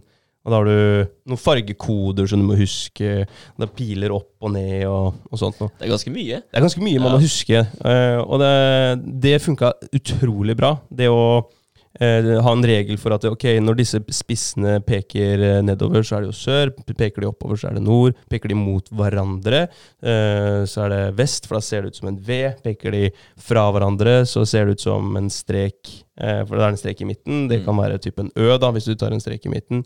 Eh, og da peker jo spissene fra hverandre. Eh, og da kan man tenke at eh, de spissene tenk, eh, betyr at de peker den veien hvor fargen skal være svart, da, for der er svart, gul og svart som går om hverandre, f.eks. Så det å bruke da eh, symboler og eh, analogier og knytte det mot enkelte ting, gjorde det superlett å, å huske det her. I hvert fall i går, da. Og jeg husker det fortsatt i dag. Så da har det kommet seg inn fra korttidsminne til langtidsminne, så nå husker jeg det sikkert for alltid. Mm. Ja, ja. For da er det black and yellow and black og yellow black og black yellow og Men det er vel kanskje litt greia med symboler? Altså Sånn fra gammelt av òg. Altså, gamle tekster osv. Så, videre, så har du et symbol veldig ofte da Mm. som beskriver kanskje hele den teksten. Altså Hvis du kan teksten fra før, og du ser det symbolet etter mange mange år, da så husker du kanskje fortsatt den storyen om det symbolet. da Et jævlig godt poeng. Ja. Altså Jesus er et symbol. Når du tenker på Jesus, så skal du tenke på alt det fantastiske fantastiske han utretta og ofra for menneskeheten. Så, så det er veldig godt poeng. Ja. Det er jo lett å huske det. Huske at Jesus, eh, altså Jesus symbolet Jesus. Mm. Og jeg husker ikke alt han gjorde, men jeg vet at han gjorde vanvittig mye bra. Mm. Ikke sant? Så det God teknikk, da, André. Ja, ikke sant? Ja, ja, det er jævlig bra. Ja, bra. Kult. Nei, men Det er et godt poeng. Det er jo litt det der med å knytte egentlig et, eh, et eh, Ja, som du sier. Knytte et symbol, knytte et eh, Kanskje et minne opp mot det. Noe annet som du husker, da. Ja. Så Det blir jo litt ja. som gjenstanden, da, egentlig. Ja, Ja, Mm. det gjør jo det. Men nei, men det er kult. Veldig kult. Jeg tenkte på Jeg hadde ett tall til her. Pi. Der er det det er konkurranse i forhold til hvor mange Desimaler. Ja, mange, ja. desimaler du kan huske. Ja. Og nå, nå fikk jeg litt sånn conflicting informasjon, egentlig, fordi jeg, søkte opp på nett. Jeg hørte på en TED-talk eh, Mm. som en del av forberedelsen. Eh, og så søkte jeg opp senere også, bare for å finne hva det var. Eh, og det tallet her var litt gammelt, men det er en person da, som hadde huska 65 536 desimaler til pi. Serr? 56 Nei, 65 536. Ja, men jeg blir litt sånn altså, Hva er poenget? Så blir jeg ja. Hvorfor skal man kunne det, liksom? Det, det er et godt poeng. Ja. Vi den hjernekapasiteten din til noe annet. ja. Eh, men uh, når jeg hørte på den TED-talken, så sa hun at det var eh, en som hadde huska over 80 000 Ja. desimaler. Ja. Ja, så, jeg, så jeg tror det tallet her faktisk har steget litt. Shit. Så det har blitt uh, danka ut med 20 000 bare. Ja, ja, bare 20 000. Men, uh, men, ja, men det som er litt interessant med, da, med hele den her, eh, hele den her uh, huskegreia, altså The World Memory Championship og hele den greia her, det var en fyr da, som hadde vært og intervjua de, og han hadde prata med de og liksom spurt ja, når var det du fant ut at du var en sånn type savant, en eh, litt sånn autistisk person som klarte å huske alt de greiene her. Jeg er ikke en savant. Bare, ok, nei, nei, altså jeg er, ikke, jeg er sikkert ikke noe bedre på å huske ting enn deg, men jeg har bare en teknikk Ja. som jeg har lært meg, så jeg har blitt veldig god på å huske f.eks. tall, Ja. en kortstokk med rekkefølge på ting. Så det er bare det. Så han sa liksom at jeg er ikke noe bedre å huske enn deg, det er bare at jeg har øvd helt sinnssykt mye på disse husketeknikkene. Jeg mener jeg har sett en eh, fyr på um, altså For lenge siden. Jeg husker jeg fulgte mye med på sånne The Real Superhumans. Jeg tror, Mm, jeg ja. tror Stan Lees Superhumans eller noe sånt. Ja. Der mener jeg det har vært en sånn kar med, og han, han virka ganske um, Ganske autistisk. Åh. Britisk dude med briller, litt uh, stor. The Human Calculator. Ja! Ja. The Human Calculator. Ja. han, han var temmelig eh, savantisk Ja, ja, Ja. ja. Han tror jeg var på Spekter, er ikke? på spekteret. Ja. Men han kunne jo også han, eh, altså, Det var jo regnestykker, da. Ja. Som var helt sinnssyk uh, automatikk på. Bedre Ja. enn enn en kalkulator, egentlig. Ja, han var det. Ja, Helt rått. Han tok det raskere enn du klarte å skrive det inn på kalkulator. og regne det ut. Ja, men det må jo, det må jo ha noe med altså Det må jo være et minne der, fordi å, å lære seg matematikk Det handler jo som regel om å knytte um, regler da mot uh, Altså lære deg regler, lære, lære det utenat, og ha metoder og huske teknikker for å, for å gjøre det her. Mm. Jeg aner ikke hvordan han, eh, han får det til. Nei, uh, gudene vet. Han må jo Nei, ja, gudene vet. ja. Ja, Ja, altså, han må jo ha en eller annen, en eller annen superpower. Ja, ja. Ja. uten tvil. Du har forskjellige, altså, forskjellige nivåer på det å forstå ting òg. For jeg tenker sånn, ok, du har matteregler, Mm. men da er det reglene du forholder, forholder deg til. Da har du på en måte pugga og lært deg en regel. Mm. Men så har du et dypere nivå òg, at du forstår hva, hvorfor regelen faktisk er den regelen. Mekanismene, liksom. Ja, Ja, ikke sant? ja altså hva, hva er det som gjør at den regelen der er en regel? Ja. Og da har du selvfølgelig en mye dypere forståelse. Mm. Så er du seig nok, eh, har du en god nok forståelse for matematikk. Så ja, reglene er jo shortcuts. Mm. Men i utgangspunktet så skulle du klart deg uten alle reglene, fordi du hadde for, forstått matematikken. ja. Du Så- bare skjønner det. Ja, Så jeg tipper han derre human calculator her, han Ja, han er jo dypt. Dypt nede, Ja. ja. han ser det sikkert bare. Jeg, Ja, det var det. Ja, jeg, Jeg- det minnes fra Ja. den serien nå, at han, han faktisk så masse tall foran seg når han drev med de greiene her. Stemmer det? Jeg Ja. tror han så noen farger og figurer eller et eller annet sånt her. Ja, ja, ja. Ja. Det var ganske, ganske drøyt. Sjukt. Ja. Ja. Vilt. Men den uh, siste tingen er å få nok hvile. Søvn, altså. At Ja. det er uh, ekstremt viktig i forhold til det å huske. Uh, og det, det som er veldig kult der, og jeg hørte, hørte en podkast med dr. Matthew Walker. Mm. Eh, kult. Sofie leste jo den boka hans også, eh, Why We Sleep, Stemmer det. og anbefaler den på det sterkeste. Mm. Eh, men jeg hørte i hvert fall den podkasten med, og der snakka han om det med eh, at de sendte mus gjennom en eh, labyrint. Mm. Eh, og så målte de eh, hjerneaktiviteten til musa. Eh, eller nei, det var rotter, kanskje. Rats. Ja. Eh, så de, de målte hjerneaktiviteten til eh, rottene. Ja. Eh, og, så, og da kunne du eh, igjen da se eh, disse synapsene, da. Måle hva det var som fyra. Så når de tok en eh, venstresving, eh, så kunne de, holdt jeg på å si, eh, ja, måle hva det var som fyra. Mm. Eh, og hvis du ser for deg at du, du knytter en tone til hver av eh, eh, svingene, eller hver av valga som den musa her tar, Mm. eller rotta, jeg sier mus hele tida. Jeg Mm. tenker hele ja. Jeg stoppa Yes! før jeg fullførte den der! Faen! Men, men Ja. sånne forsøk, da, de sier alltid rats. Men jeg tenker alltid at de gjør forsøk på mus. Mm. Mm. Jeg vet ikke hvorfor. Men Det eh, er fordi du sa det nesten. ja. Ja. Må bare embrace den altså. ja, jeg tar det for det der. Eh, den, eh, men i hvert fall, så når de eh, går gjennom den labyrinten, de måler aktiviteten, og så knytter de da i en sånn type fyring opp mot en tone. Eh, eller de gjør ikke det i forsøket, men bare ser for dere at man gjør det. Så når den musa tar en venstresving, og den fyrer i et visst mønster, så er det en eh, tone som Da klarer jeg ikke å se på deg. Ja. Men, uh, men så er det en tone, i hvert fall, da, eh, som du knytter opp mot det. Så se for deg, altså fullføre hele labyrinten, så kan du se for deg at det er noen toner som er type sånn bam, bam, bam, bam, bam, bam, bam. Mm. Det, det er labyrinten, bare i toner. Eh, og det de så, var at det, når de monitorerte musa mens rotta, mens den sov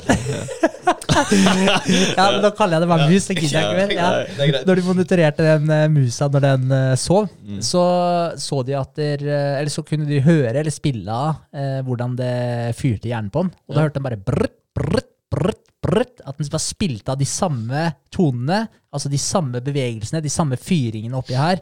Eh, den ble spilt av 20 ganger så fort. Og det bare repeterte seg om og om igjen. Ja. Så det de så, var at der, akkurat det musa hadde gjort for å lært seg å gå gjennom den labyrinten her, alle de valgene han hadde tatt der for å komme seg gjennom labyrinten på en, eh, holdt jeg på å si, en suksessfull måte, at den kom seg faktisk gjennom, de fyrte om og om og om igjen og ble sementert i hjernen til den musa eh, mens den sov.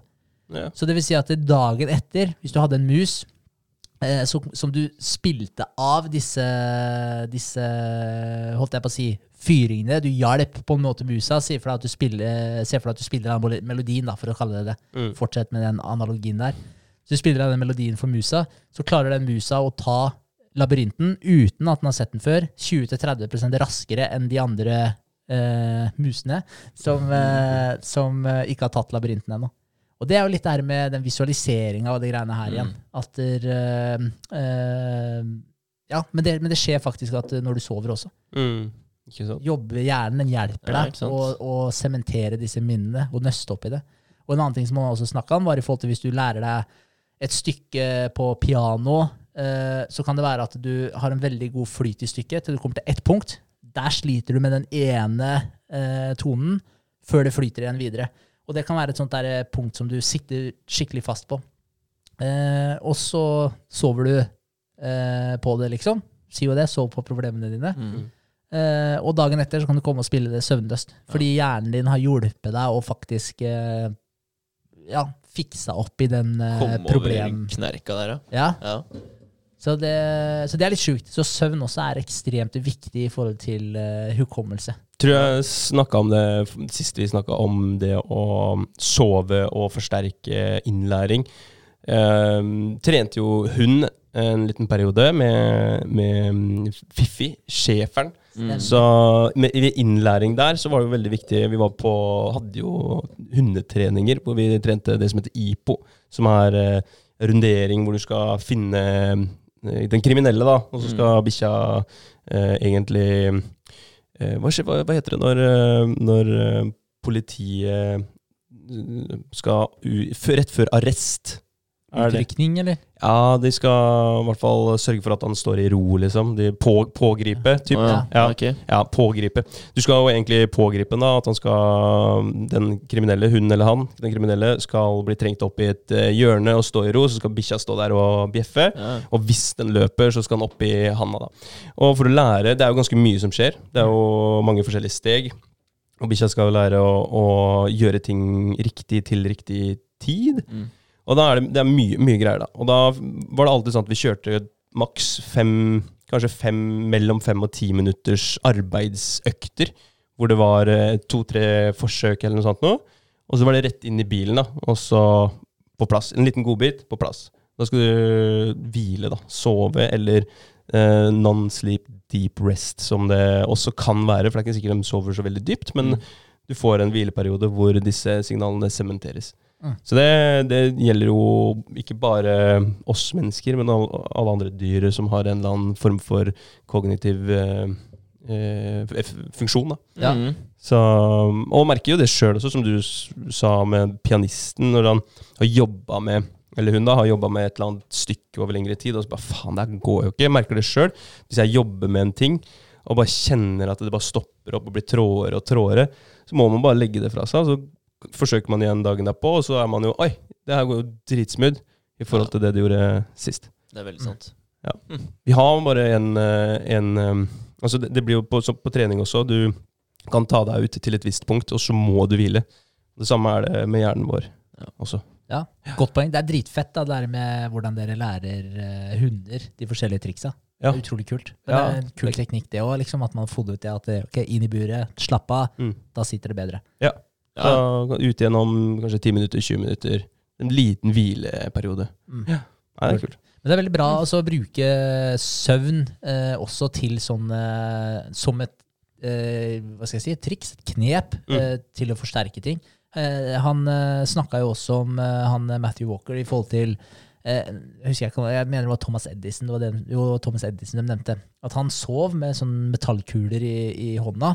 Så, så når han satt og holdt på å skrive og kom med ideene sine og sånn, så pleide han å sette seg tilbake med disse metallkulene i, i hånda. Man lente på armlene Eh, og så var det sånn at etter hvert når han sovna, og musklene hans slappa helt av, så trilla metallkulene ut av eh, hånda hans, smalt i gulvet. Han bråvåkna og satte seg med en gang og skrev. Mm. Mm. Ja, ikke sant? Ja, så han brukte det aktivt Mm. for å, for å få opp ideer og bli mer kreativ og hele den uh, pakka der. Ja. Det er kult. Det er kult. Mm. Ja. Så, men ja, så, så det var uh, den siste i forhold til det med å huske bedre. Altså få, få nok hvile. Mm.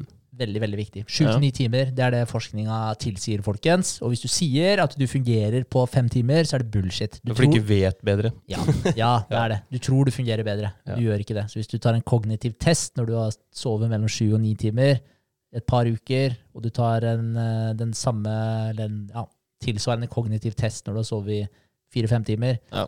og du, du føler sjøl at du presterer like bra, men resultatene er noe helt annet. Mm. Du gjør faktisk ikke det. Syv til ni timer. Syv til ni timer. Ja, det er lenge, altså. Det er det. Det er lenge å sove. Hvor mye sover dere? Jeg sover Jeg sover eh, Jeg kan så lett sove syv timer, men eh, som oftest uh, seks. Litt i underkant av seks. Det kommer helt an på hvordan jeg jobber, egentlig. Ja. Jeg prøver på seks eh, og en halv til syv og en halv. Jeg har ja. mål om syv og en halv Mm. hver natt. Ja. Ja. Nice. Ja, jeg sover eh, Jeg prøver å ha minimum syv, egentlig. Faktisk fordi jeg hørte på den podkasten her for noen år siden. Ja. Mm. Så minimum syv. Men eh, det blir ofte bitte litt mindre. Mm. Ja, Alt fra seks og en halv til syv og en halv. Sånn er det der jeg ligger. Så, ja. Så det. Ja. Eh, hva er bra og dårlig for hukommelsen? Avslutningsvis, eh, det siste, eh, i forhold til ting man burde unngå, og Mm. ting som man burde gjøre mer av. Mm.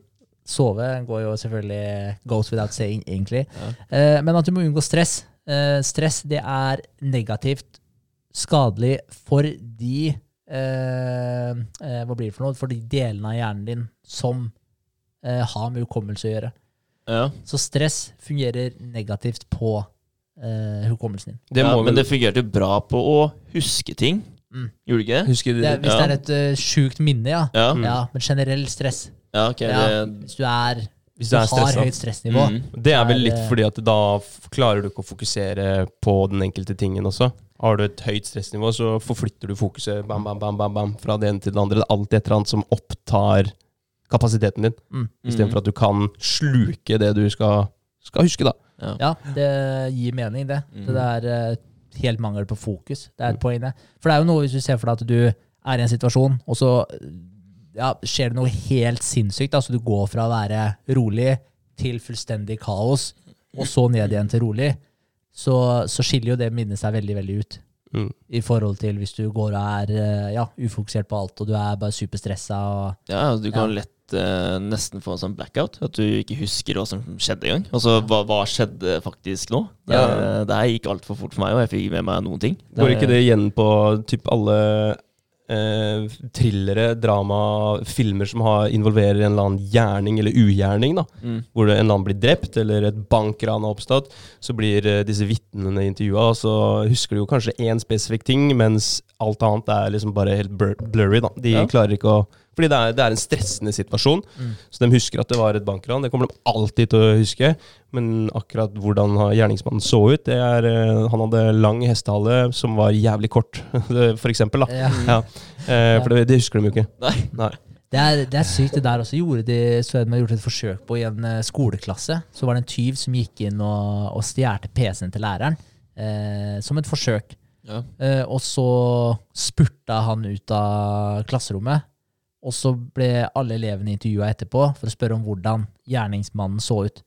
Mm. Det var fullstendig kaos. Det var det? Ja, ja, Brått hadde han tatoveringer og bare Ja, det var, det var bare helt kaos. Så du kan ikke stole på, på minnet til folk. Det er sykt. Nei, og det er, det er stresset, da. Ja. Ja, ja. Det er, jeg hadde faktisk eh, nå på mandagen Da hadde vi en liten eh, pitch. For, uh, Ja. ja. så vi, pitcha, Ja. vi pitcha, da. Og vi har øvd på det her, ikke sant? så det, du følte jo at det satt. Men uh, så fort uh, jeg havna foran skjermen foran de menneskene her, og jeg skulle ta min del, da, så var jeg sånn etterpå og så Gikk det egentlig bra, eller? For jeg huska ikke helt om jeg hadde, hva jeg hadde gjort engang. Helt glemt. Ja. Ja. Så det, Sjukt. det, er jo en stressa situasjon, da. Det er. Ja, helt klart. Så det, det, var, det var litt spesielt, altså. Og det tenkte jeg på der og da. Og så bare Fy faen, jeg husker ikke. så, ja, så jeg tok meg sjøl der, altså. Det gjorde jeg. ja, men du naila den. altså. Ja, ja, men eh, det er veldig rart at det blir sånn. Ja. ja, det er det. Det er det. Det er det. Uh, unngå alkohol, rusmidler og andre nevrotoksiner. Mm. Og nevrotoksiner, jeg prøvde å søke opp litt det hva det var òg. Det kan være type ammoniakk. Uh, Det lukter salt, eller? Jeg vet, jeg vet ikke, jeg stussa på det så da jeg leste det. tenkte jeg bare, hm, Er det ikke det Ervis driver og lukter på før han trener?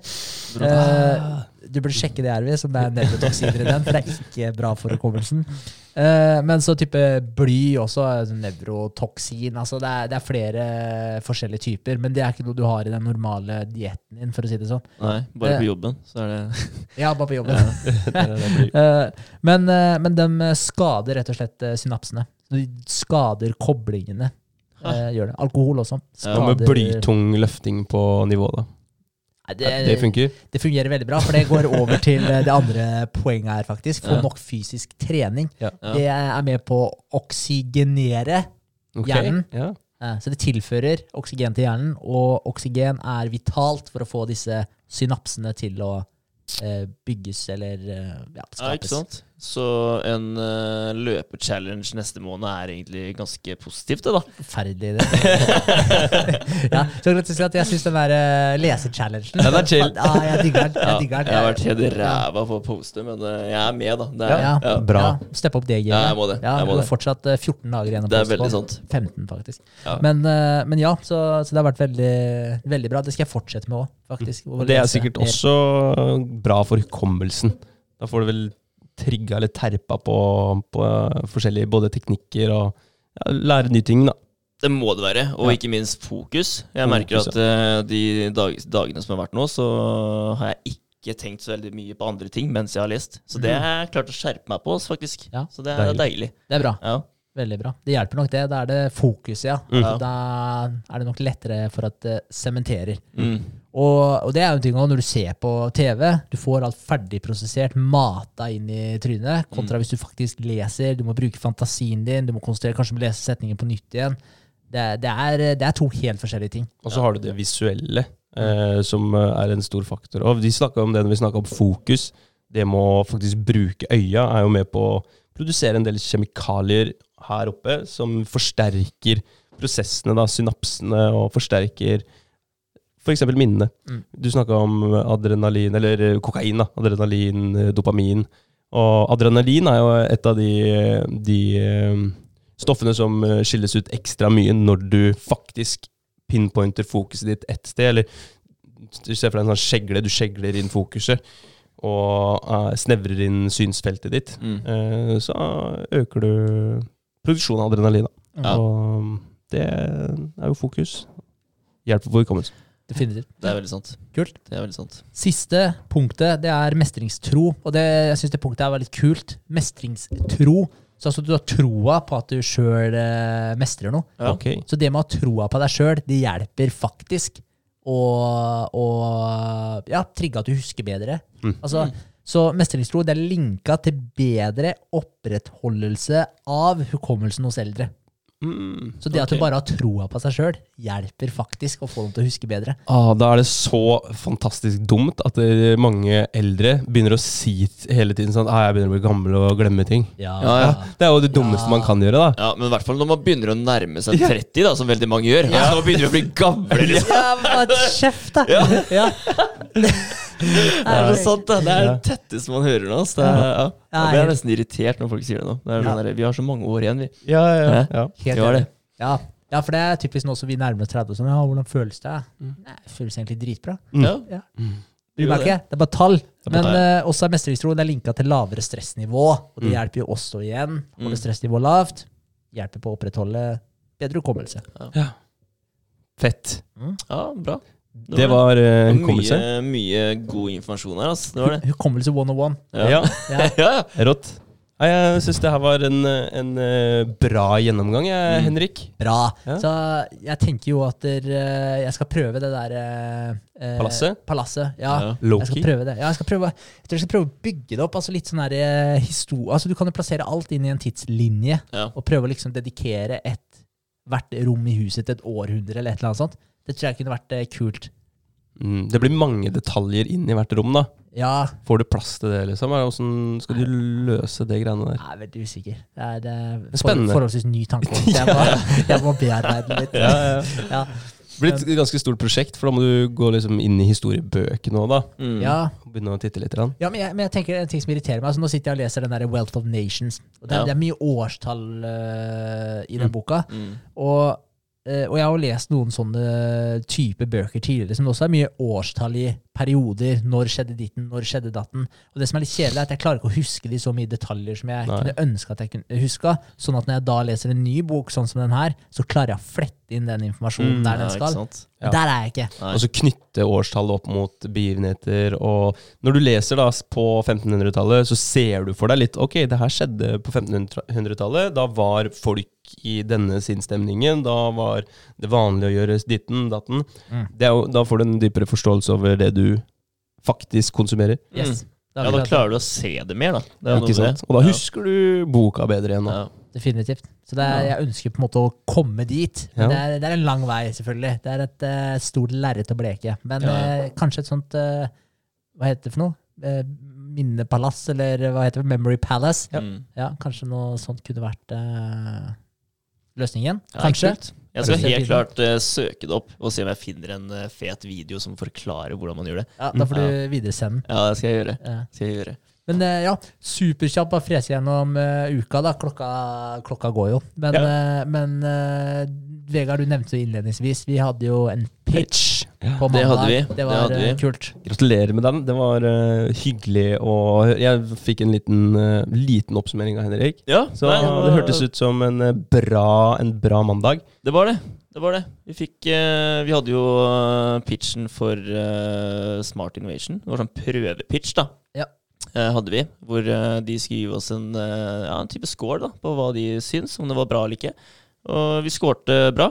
Mm. Det gjorde vi. Det var ja, ett punkt som de mente vi burde ha med, da, men som vi ikke er helt enig i. da. Men det var at vi skulle ha en teknisk person på laget allerede nå.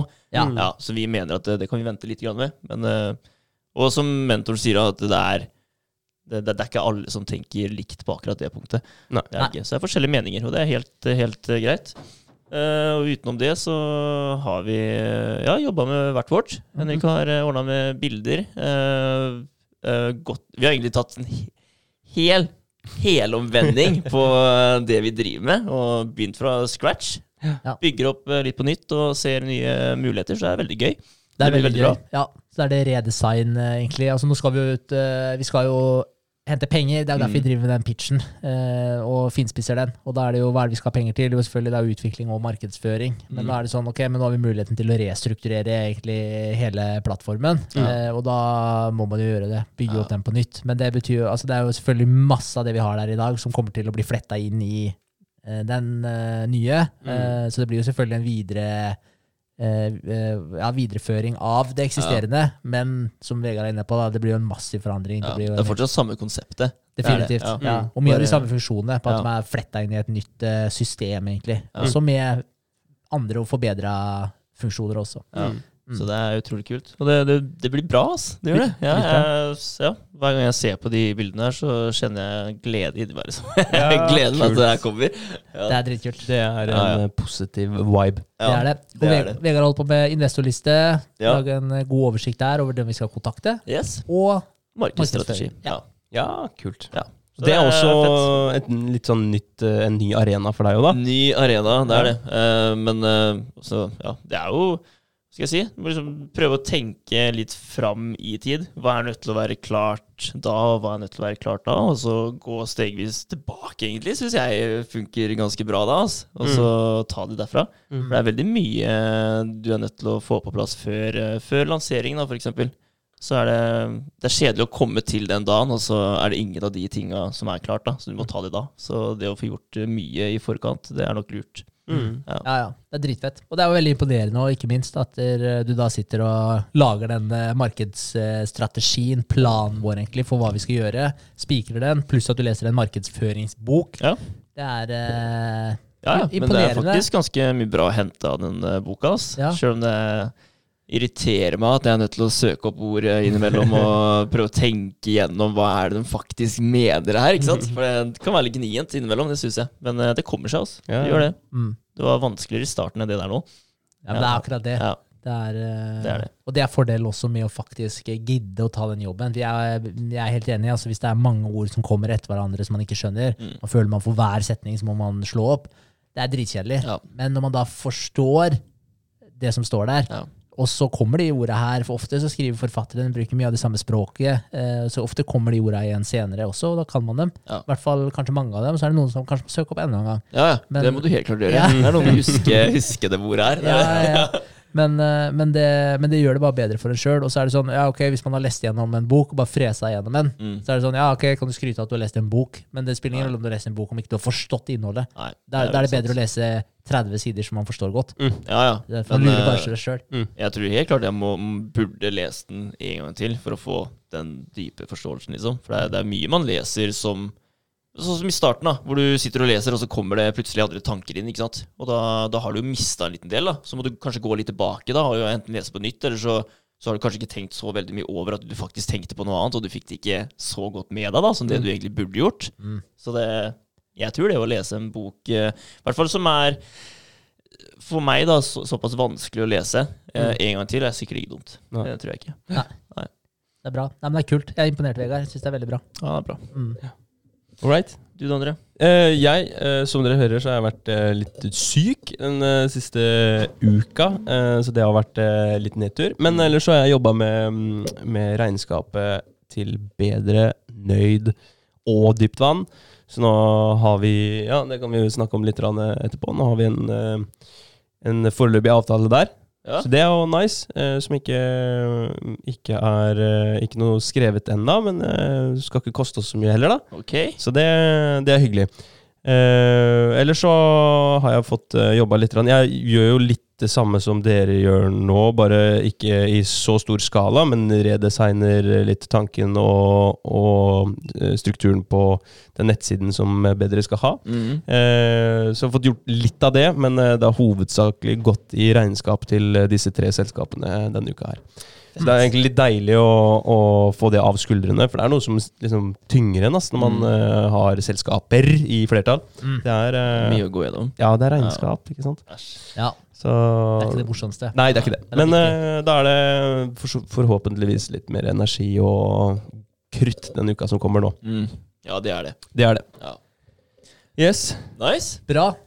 Kult. Skal vi si takk for en god pod? Takk for en god pod. Takk for en god pod. All right, vi snakkes. Det gjør vi. Ha det. Ha det.